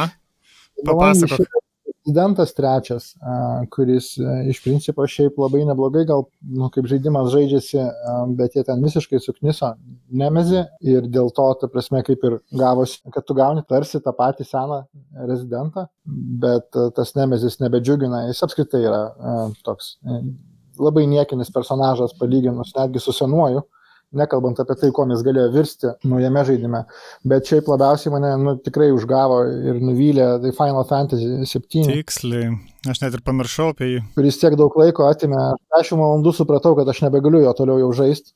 Nu tiesiog nebegaliu jo toliau žaisti. E, ir, ir turbūt iš tų 60 valandų 30 tą žaidimą traukia tai, kad nu, labai daug laiko ten praleidai, kai tavo kamera pasijonų veikėjai yra. Tai, nu, tai žinai, aš esu toks žaidėjas amžiui. Čia tyčia ar netyčia ta kamera ten atsiranda? Tyčia, tame ir pointas, supranti, kad tai yra žaidimas, kuriame e, labai daug yra horizontalių, vertikalių tokių lygių su daug, daug kopečių. Ir ten ypač, kai nori susirankėti viską, tu tom kopečiom marinėjai. Ir tavo dažniausiai tavo veikėjai, nu, mažiausiai du būna su sijonais. Ir ten padaryta, kad jeigu tu lipi, man regisi, viršų, tai veikėjai nelipa priešais tave patys bet jeigu tu lipi žemyn, tai jie lipa virš tavęs. Jeigu tu tokioji kamera, tai nu, tiesiog tai yra keisti tokie dizaino sprendimai, žaidimai, kur visą laiką yra kopičios, turėti veikėjus su minekais, bet jie ir patys ten pridarė tuose video interpuose tokius suggestive cutų, žinai, kad, prasme, kai jie daro CG, tai jie patys kamerą kažkur pastato. Irgi pastatyta ten įdomiose vietose, aišku, ten yra kai kurios scenos tokios labai uh, homoerotinės, kai kurių veikėjų atskleidimas, kai vyksta bet iš principo jisai tapo nuobodus, monotoniškas ir kai atsiranda nuobodulys ir monotonija, tai pradeda va, triggerinti tokie dalykai, į kuriuos galbūt šiaip nekreiptum dėmesio. Žinai. O aš, pavyzdžiui, norėjau tarsi sužaisti, nes aš niekada nesužaidęs, tai ar jisai yra absoliučiai kaip pakeistas, ar jisai remakintas, nu kiek ištikimas jis yra originalui? Aš sunkiai prisimenu originalą. Aš žinau tikrai, kad aš jį žaidžiau, mes su Richardu Budu jį žaidėm. Ir tarkim, kai prasidėjo žaidimas, žinai, nors aišku, jisai visiškai nepanašus į originalą, aš jaučiausi labai lyg ir vietos man pažįstamos, ir lygiai man matyti, ir veikėjai, ir kas po ko vyksta, ir dialogai turėjo, nu, buvo, ta, ta jungtis įvyko, kad, kad tai yra visiškai naujas žaidimas, bet, nu, kaip sakyti, jo visa esmė, jo siela yra tas pats senas Final Fantasy. Bet sakau, čia galbūt tas atvejis, kai tą patobulintą grafiką ir, ir, ir, ir tie nu, milžiniški tokie sukonstruoti lygiai ir nu, žanrui būdingas grindas, kuris jau dabar yra ne izometriniam kažkokiam pikseliuotam žaidime, e, kur tu įpratęs, kad jau įsijungi jo tarp tą ir ten jau grindinsi. Čia norėjusi kažko kito. Ir jisai tikrai, nu, nepatempia, jis tikrai yra beproto, tiesiog nuobodus. Uh, nežinau, kokiu tu turi būti fanų serijos. Aš atradau Final Fantasy savo realiai tai ties 13 dalim, kuri man beproto patiko. Tai šitas septintas remake'as, jis daug ko panašus, iš tikrųjų yra į 13 bet vat, su mechanikom ten kažkas yra negerai. Jį tiesiog yra nuobodu žaisti ir yra dar tie vadinami difficulty spaikai, kai tau, nu, valandų valandas tau nereikia, visiškai kaitaliotiniai savybiniai nieko, tu bešini viską vienu mygtuku, o tada yra boss fightas, kur tu turi ir veikėjus pasvapinti, ir savybės pasvapinti. Tu nieko nežinai, nes žaidimas iš tavęs nereikalavo prieš tai. Na, tipo, nespėjai išmokti nieko, ne? Jo, ir tu tada tiesiog prie to boso stringi ir jisai, jisai irgi tada ima atrodyti įkyrus, nes tu tarsi jauti, kad tu galėtum jį veikti, bet dabar turėti per meniu, persidėlioti gerą, ten gal persidėlioti skilus, ko nedarai 20 valandų. Ir galvoju, ai, žinai, ir, ir finaliai aišku išėjo kažkokie tai kito mėnesio žaidimai ir aš jį mečiau. Mm, ir labai džiaugiuosi, kad man nereikėjo jo apžvalgos rašyti, aš būčiau tikrai parašęs kažką pikto. Mhm. Nu jo, yra ir tokių įvykių kurias, nu, aišku, irgi verta paminėti, e, nes jie svarbus e, kontekste. Tiesiog buvo beproto lauktas kaip žaidimas. Mm, ne... Tai va, va, labai labai hypo daug. Pakankamai daug hypo buvo ir aš labai ilgai, nu, labai ilgai negalėjau suprasti, kodėl. Paskui irgi dar paskaičiausi apžvalgas kitų žmonių parašytas. Ir kartais susidaro, kaip, kaip jau žinai, kai, kai skaitai kitų apžvalgas, kaip kritikas, kartais susidaro tas toks įspūdis, kad apžvalga parašyta, kokia parašyta, bandant įsiteikti skaitytojui labiau, nes tu žinai, kad tai yra nu, kažkokia tai sėkėjų bazė, kuri yra labai lengvai triggerinama. Mm -hmm. O negali būti taip, kad tiesiog žaidimas paseno? Jo, jo, žaidimas iš principo jis paseno, taip. Čia, čia visų remake'ų turbūt yra tas slippery slope, nes tarkim, kas liečia žaidimo dialogus ir ten kai kurias scenas, žinai, nu, yra vietų, kurie ten, ta prasme, aš nesu vauk. yra vietų, kur tu kilsteli antakį stipriai. Ir tiesiog dėl to, kad jos tiesiog paseno kultūriškai. Nes originalas kada išėjo? Net nebepasakysiu. Net Prieš kiek čia metų? 20 kokių, gal daugiau. 97. O, nu va. 2-3 metai. Labai daug. Tai kalbant apie amžių, keliaujam toliau ir žiūriu naujienų ir jokiuosi, nes uh, gegužė mes užsirašę, nes nėra čia tokių labai svarbių naujienų ir mes užsirašę, kad uh, gegužė sukako 40 metų Pekmanui. Tai jisai mano amžiaus labai smagu. ir ne tik mano, ir kitų kolegų. Bet gegužė tai dar ir sutampa su mano jubiliejum. Tai būčiau žinojęs, nors per pandemiją nešvenčiau, tai būčiau žinojęs, būčiau atšventęs kartu su juo kitais metais. Atšvesim tada kiem pirmą gimtadienį. Tai va, tokia naujiena. Ai, bet jo, dėl ko mes apie ją prisiminėm? Dėl to, kad verta pasižiūrėti serialą. High Score, vadinasi. Netflix'e yra serialas High Score, kuris labai lakoniškai, turbūt per kiek ten šešias, šešias, šešias serijas pereina per tokius e, kertinius įvykius e, žaidimų pramonės e, toj aušroje, kai jinai gimė pati, bet jis labai įvairoviškai pažiūri į tai ir ne tik tai per, per tą kažkokį chronologišką žaidimų kuriejų istoriją, bet pažiūri ir į fanus, ir į žaidėjus, ir į e-sporto.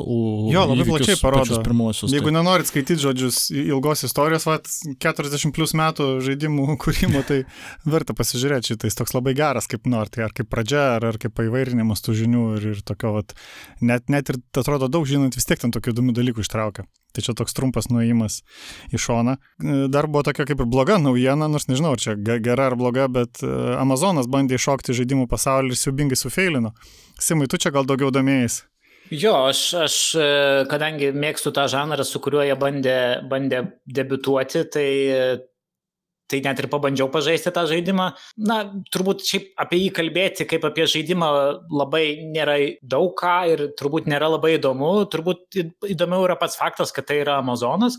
Tai jie prieš kokius, kokius tris metus paskelbė, kad eina į tą žaidimų industriją kaip žaidimų kūrėjas ir kartu kaip leidėjas savo žaidimų. Buvo anonsavę tris žaidimus. Pirmas buvo toksai labai trumpai gyvavęs Breakaway, antrasis turėjo būti šitas Crucible ir, ir trečiasis yra MMORPG berots e, žanrui e, priklausantis New World, kuris kitais metais turėtų pasirodyti. Tai šitas Crucible turėjo būti toksai e, hero shooteris, tai, na, nežinau, turbūt Overwatch sėkme įkvėpti jie nusprendė tą žaidimą kurti, bet na, pats žaidimas jisai galiausiai buvo toksai visiškai, kaip yra tokia angliška frazė, by the numbers, ar ne, tai pasižiūrėjom kažkokį sąrašą dalykų, kuris turi būti hero shooter žaidimuose ir vat sudėjom. Vat turi būti kažkoks didelis veikėjas, mažas veikėjas, toks veikėjas, kuris ten, nežinau, skraido gerai. Ir... Robotukas kažkoks ten. Jo, tai, ir, ir tai buvo įdėta Tipiškai. gana daug pinigų, nes, nes visgi Amazonas nu, tai Amazonas. investavęs e, ir laiko, ir e, žmonių nemažai į tą ir galiausiai rezultatas buvo toksai, kad žaidimas vos berots porą savaičių po pasirodymo, jisai paskelbė, kad jisai eina atgal į betą, nu toksai nematytas žingsnis žaidimuose išleisti, o po to pasakyti, ai, žinokit, čia visgi beta dabar jau yra.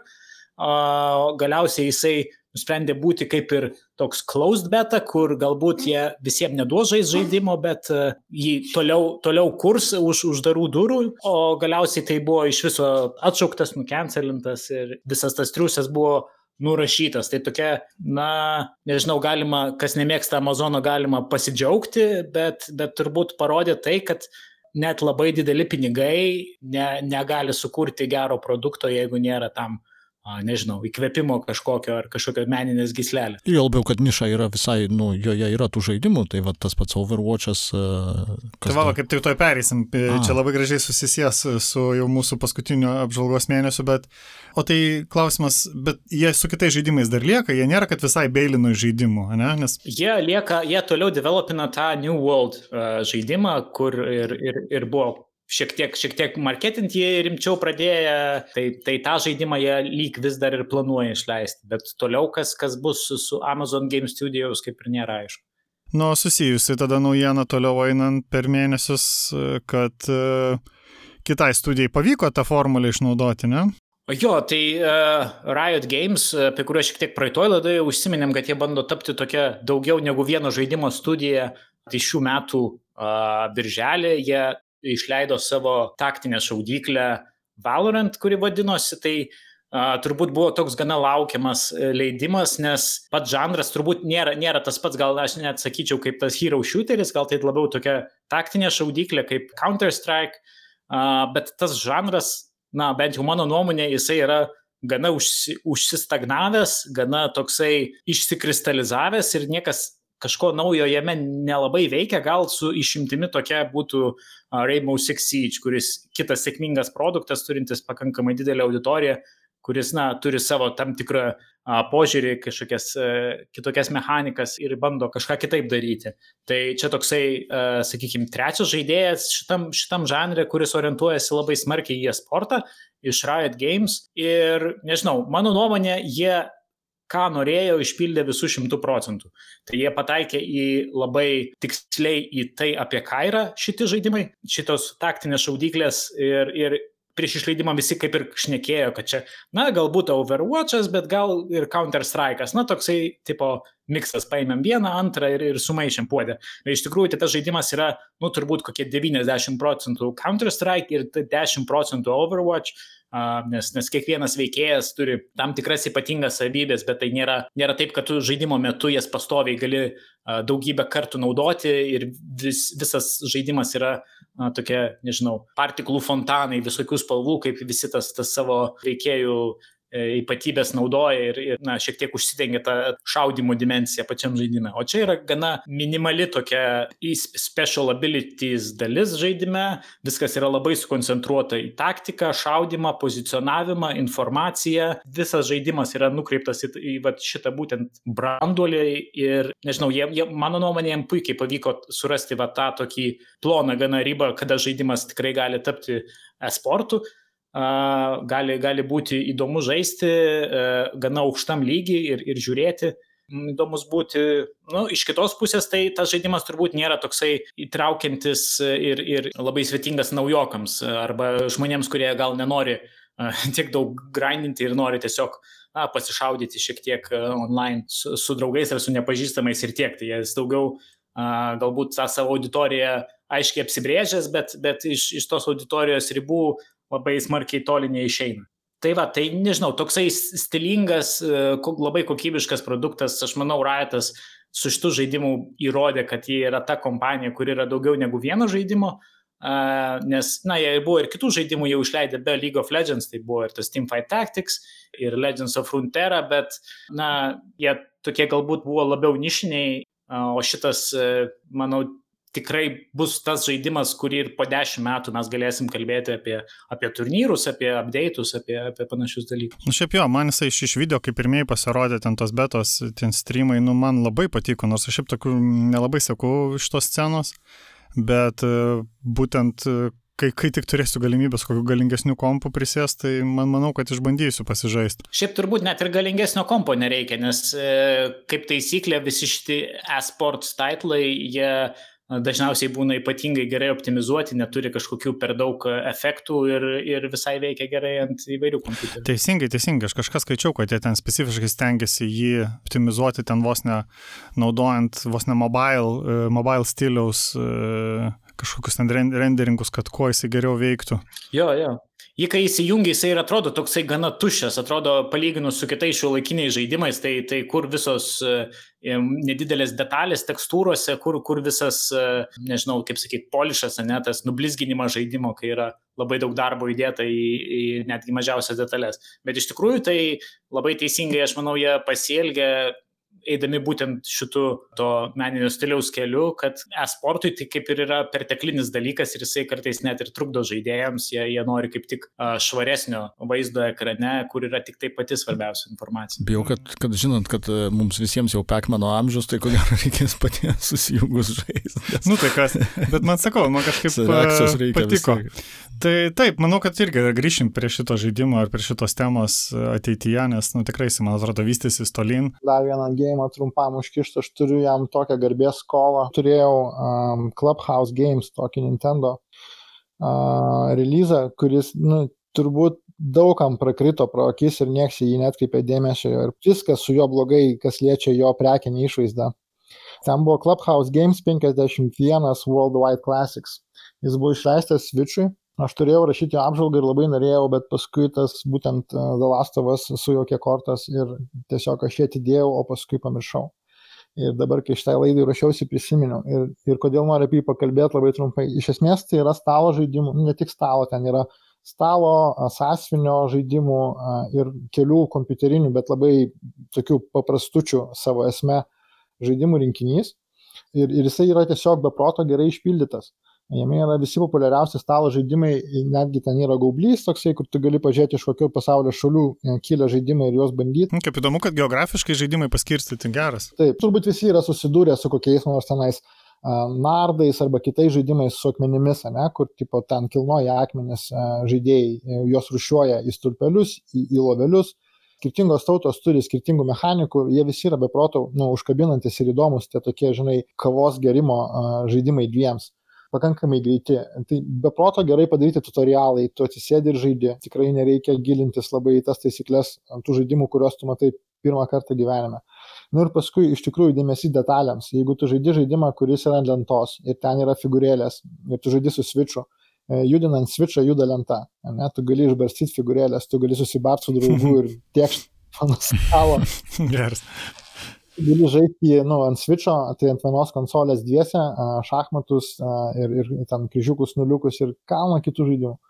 Tiesiog tai buvo tobulas žaidimas vasarai switchui, aš apie jį neparašiau, jaučiausi dėl to žiauriai, žiauriai kaltas, dabar pluginu. tai labai gerai, ne, nu, nes nu, tikrai, vat, nau, naujiena, netrasta. Prie, man atrodo, šiandien iki paskutinio svarbaus žaidimo šiai temai, kuriam manau, kad skirsim kažkiek laiko, nes Oi, labai daug yra apie ką kalbėti, bet iš tikrųjų daug jų yra ir parašyta, ir apkalbėta, bet vis tiek, na, turime e, skirti deramo dėmesio. Tai Andriu, tau perdusiu stafetę. Ja, aš iš tikrųjų žinau, kad turbūt čia artojas yra daugiausiai, daugiausiai galės pasakyti. Aš pats esu... Žai, taip, žaidimas yra Velastovas 2.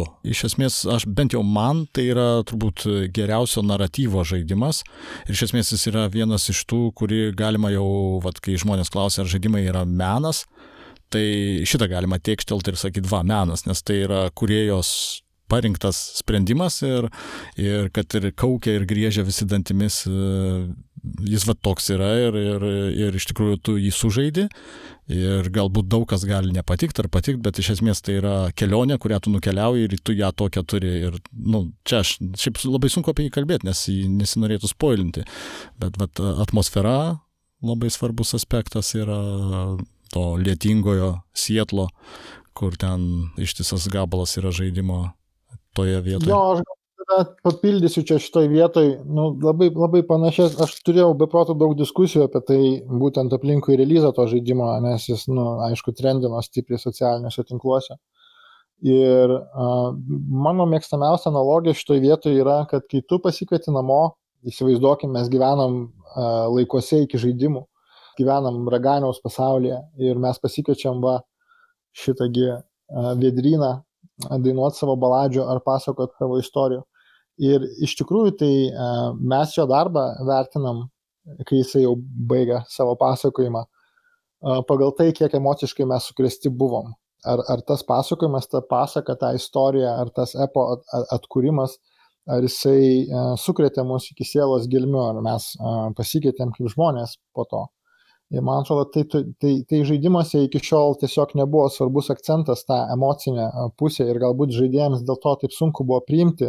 Tai bet pasakotojas yra pasakotojas, tu jį gerbi, jeigu jis tave supykdė, sutrikdė, jisai savo pasiekė. Tai ir yra efektas, kurį jis norėjo sukelti, dabar tu dirb su savimi ir analizuok tai, kas tavyje verda. Būtent, nes menas iš esmės ir yra dažniausiai tuo ir išsiskiria, kad jis sukuria stiprią kažkokią emociją, iš kurios paskui rutuliuojasi jau tavo apmąstymai, bet nieks tau nežada, kad ta emocija bus kažkokia graži, nes dažniausiai populiarioji nuomonė yra tokia, kad menas turi būti kažkok, kažkaip estetiškai tenkinantis, kažkoks tuose malonus, o realiai vat, būtent kartais kaip tik nemalonus dalykai gali būti daug daugiau pasiekti negu kad uh, malonus. Kažkuria prasme, ir turbūt tai jau buvo pražiopsotas laikas, bet, nu, teisybės dėlė, ne, kaip serialuose Game of Thrones smarkiai per vėlai padarė Red Wedding ir, ir po Red Wedding e, vis daugiau serialų ryštasi uh, eiti tą linkmę, nebijo žudyti savo personažų, nebijo netikėtų siužetinių vingių, kurie gali supykdyti žiūrovą, kas iki tol tarsi atrodė, ypač popul... kalbant apie populiarią kultūrą, ypač, nu, atrodė kaip tabu, ne, viskas turi baigtis laimingai. Tai taip pat ir žaidimuose, man atrodo, kad iki šiol mes turėjom tik tai vienetus žaidimų ir nu, tikrai buvo žaidimų tokių sukrečiančių kaip The Last of Us ar net stipriau. Ir, iki tol, bet šitas buvo pirmas su tokiais production values. Tai yra žaidimas, kuris savo kokybę, grinai technologinę, kaip jisai buvo sukurtas savo vaizdais, jisai pretenduoja į labai didelę auditoriją, nes visi tarsi nori pažaisti jį galbūt dėl šitų dalykų ir tada ten dar viduj yra tokia istorija, kuri, nu, iš tikrųjų, turint galvoj, koks dar buvo socialinis klimatas, sociopolitinis klimatas pasaulyje tuo metu, kai išėjo žaidimas, tai jis tikrai, nu, e, visi žinojo, kuom, kuom baigsis iš tikrųjų iš anksto. Man beproto džiugu, kad jis išėjo toks, koks jis išėjo, kad mes turėjom tą pokalbį ir kad dabar galima tai daryti. Dėl to, kad jau kit, nu, e, kas kas kartos tai, tai atrodys vis normaliau. Taip, ir aš turiu tokį kažkokį šeštą jausmą, kad iš ties e, iš dalies e, tas e, maištas didysis, kuris buvo dėl vieno iš įvykių pačiame žaidime, aš bijau, kad jis slėpė kitos rūšies neapykantą ir nemėgimą. Ir čia yra tie dalykai persikloja, jie dabar, jie labai patogų galima dengtis vienu, o iš tikrųjų turėtų omenyje kitą. Turiu menį priežastis, kaip review bombingui visam, kuris įvyko. Jautėsi ir diskutuojant po apžvalgom su, su, su draugais, su pažįstamais, ypač kai tu šiek tiek pažįsti žmogų ir tu žinai, kas jį iš tiesų užgavo, bet uh, jisai uh, ginčia su tavim galbūt naudoja kitus argumentus. Mhm. Ir tu jauti, kad jie yra pusiau dirbtiniai arba nu, nu, kažkur tai kitur nuskaityti, kai žmogus konstruoja savo, kaip sakyt, poziciją, ne savo statementą. Tu jauti, kad buvo kita priežastis, bet jis nenorėtų apie tai viešai. Todėl labai dažnai iš tikrųjų pokalbis apie Dalastovą susibaigdavo, nu gerai, čia mes iš tikrųjų prie lauskai susitiksim pakalbėti. Ne todėl, kad tavus padėtų mums viens kitą geriau suprasti, todėl, kad nu, niekas nenori prie trečių akių galbūt visiškai savęs atskleisti. Taip, čia mes tokiam paslaptim, mislėm pašnekėjom, bet kas žaidė, tas ja. žinos turbūt. E, nes, nu tikrai, ten per daug kalbėti apie siužetą, apie patį nu, žaidimo niuansus gal net neverta, nes, nu, jį tikrai reikia patirti pačiam Taip, ir jis, jo, dar vienas aspektas, kurį norėjau būtinai paminėti, kad e, aš labai pajutau kokybę pačią animacijų, nes e, aš nebuvau žaidęs e, Horizon Dawn. Zero Dawn. Zero Dawn. Ir vad būtent sužaidžiau Velastovas ir paskui kažkaip pasėmiau Horizoną. Ir Horizonas iš tikrųjų yra vienas iš tokių geresnių, jis buvo tas pradinis žaidimas, nu, taip, kuris taip, čia kilstelėjo pačią PS4 ir jis atrodo kaip, nežinau, plastmasinių regdolų rinkinys. Jo, The Last of Us animacijos tai iš principo atskiros laidos verta tema. Aš, ta prasme, mano pirma sesija su žaidimu, tai ta, turbūt visi tenais užsirauna toj pačioj vietoje, kai tu paimi virvę pirmą kartą į rankas. Aš su tą virvę ten, nu, nesumeluosiu, 15-20 minučių išsikalinėjau žiūrėjau, ar aš galiu pasiekti tą momentą, kai jos ranka išsisuks kažkaip kreivai, nelogiškai, nes nu, dažniausiai jau kai žaidimai yra tiek animacijų, tai tu tikrai gali padaryti šio human, human fall flat. uh, ir, ir jisai nepasidavė tam. Elė, uh, ir, nu, bet tai čia galbūt dar šiek tiek susiję ir su to, kad jie nu, iš tikrųjų ten tą valdymą labai įdomiai prikabino.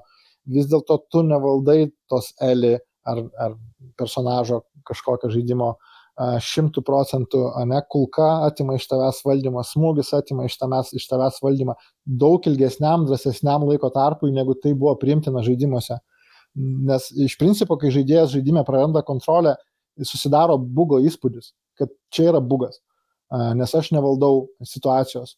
Bet The Last of Us didžiąją dalimi animacijų ir garso, garso efektų, labai gero kokybiško garso dėka, nu, kai tavo veikėjas bejėgis, tu bejėgis tai labai labai nu sklandžiai pereina jo jeigu jūs trigerina siužetas nežinau išjunkit subtitrus užsimutinkit ir pažaiskit.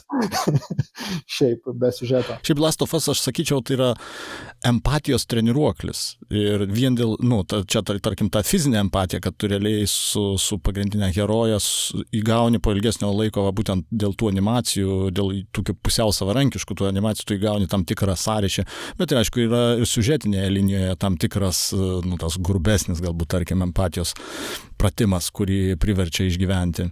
Bet mes jo nespoilinsim. Bendrai prasme turbūt jautėsi, kad, na, už, užbaigiant jau čia einant prie pabaigos. Užbaigiant konsolių kartą. Jo, ateina... užbaigiant konsolių kartą ir užbaigiant e, šiandienos mūsų temą po truputį, kad kaip ir Animal Crossing dėl vienų priežasčių, taip ir šitas dėl kitų priežasčių jisai, nu, visiškai išsiveržė iš žaidimų lauko. Jisai, jisai pateko vėlgi absoliučiai visoje medijoje, sukėlė diskusijas absoliučiai visur. Tai aš galvoju, toks kaip ir milestone'as žaidimų istorijai labai svarbus yra. Jo, nes nėra vien tik pramoga galbūt, nes kažkaip visą laiką galvojam, kad tai yra dažniausiai pramoga uh, žaidimas. Nu, jis gali būti sunkus, sudėtingas mokytis, ten reikia perprast, bet iš esmės vis tiek tai turbūt būti toks, tokia tarsi misija, o ši čia jau nėra pramoga, čia yra kartais darbas. Aš tikrai kartais uh, atidėdavau pultelį į šoną, jeigu sunkesnė diena ir grįžti tą lietingą sietlą būdavo sunku. Aš tik vat, prisimenu ir labai noriu parekomenduoti, jeigu dar neteko skaityti Artūro apžvalgos 15 minučių, nes kadangi, kaip pamenu, tu ten buvai labai pribotas NDA sąlygomis, tai ir turėjai taip kaip čia išlaviruoti per daug nepapasakodamas, tai labai, nu, mano galva, labai, nu, tokia gavosi gražiai emociška per daug nepasakant apie žaidimą, bet pasakant apie pačią emociją, kas kyla. Tai labai šitą rekomenduoju pasiskaityti, jeigu, spręsit ar, ar žaisti. Ir, nu, ten labai geras įspūdis susidaro. Ačiū. Tai šiam kartu tiek tada. Perbėgom per pusę metų kažkaip, kai, kai rašiausi, tai atrodė, kad, ai, nieko čia, per daug čia tie metai nėra labai daug įvykių e, buvusių, bet akivaizdu, kad yra apie ką pakalbėti ir grįšim prie šitos temos ir aptarsim likusią pusę metų jau kitoj laidoj, kuri dar išėjai šiemet. Tai e, dėkui labai tada, kas prisijungė šiandien. Dėkui, dėkui. Dėkui. Ačiū. Ir ką, susitiksim kitose laidos ir susitiksim kitose temose. Iki. Viso. Iki.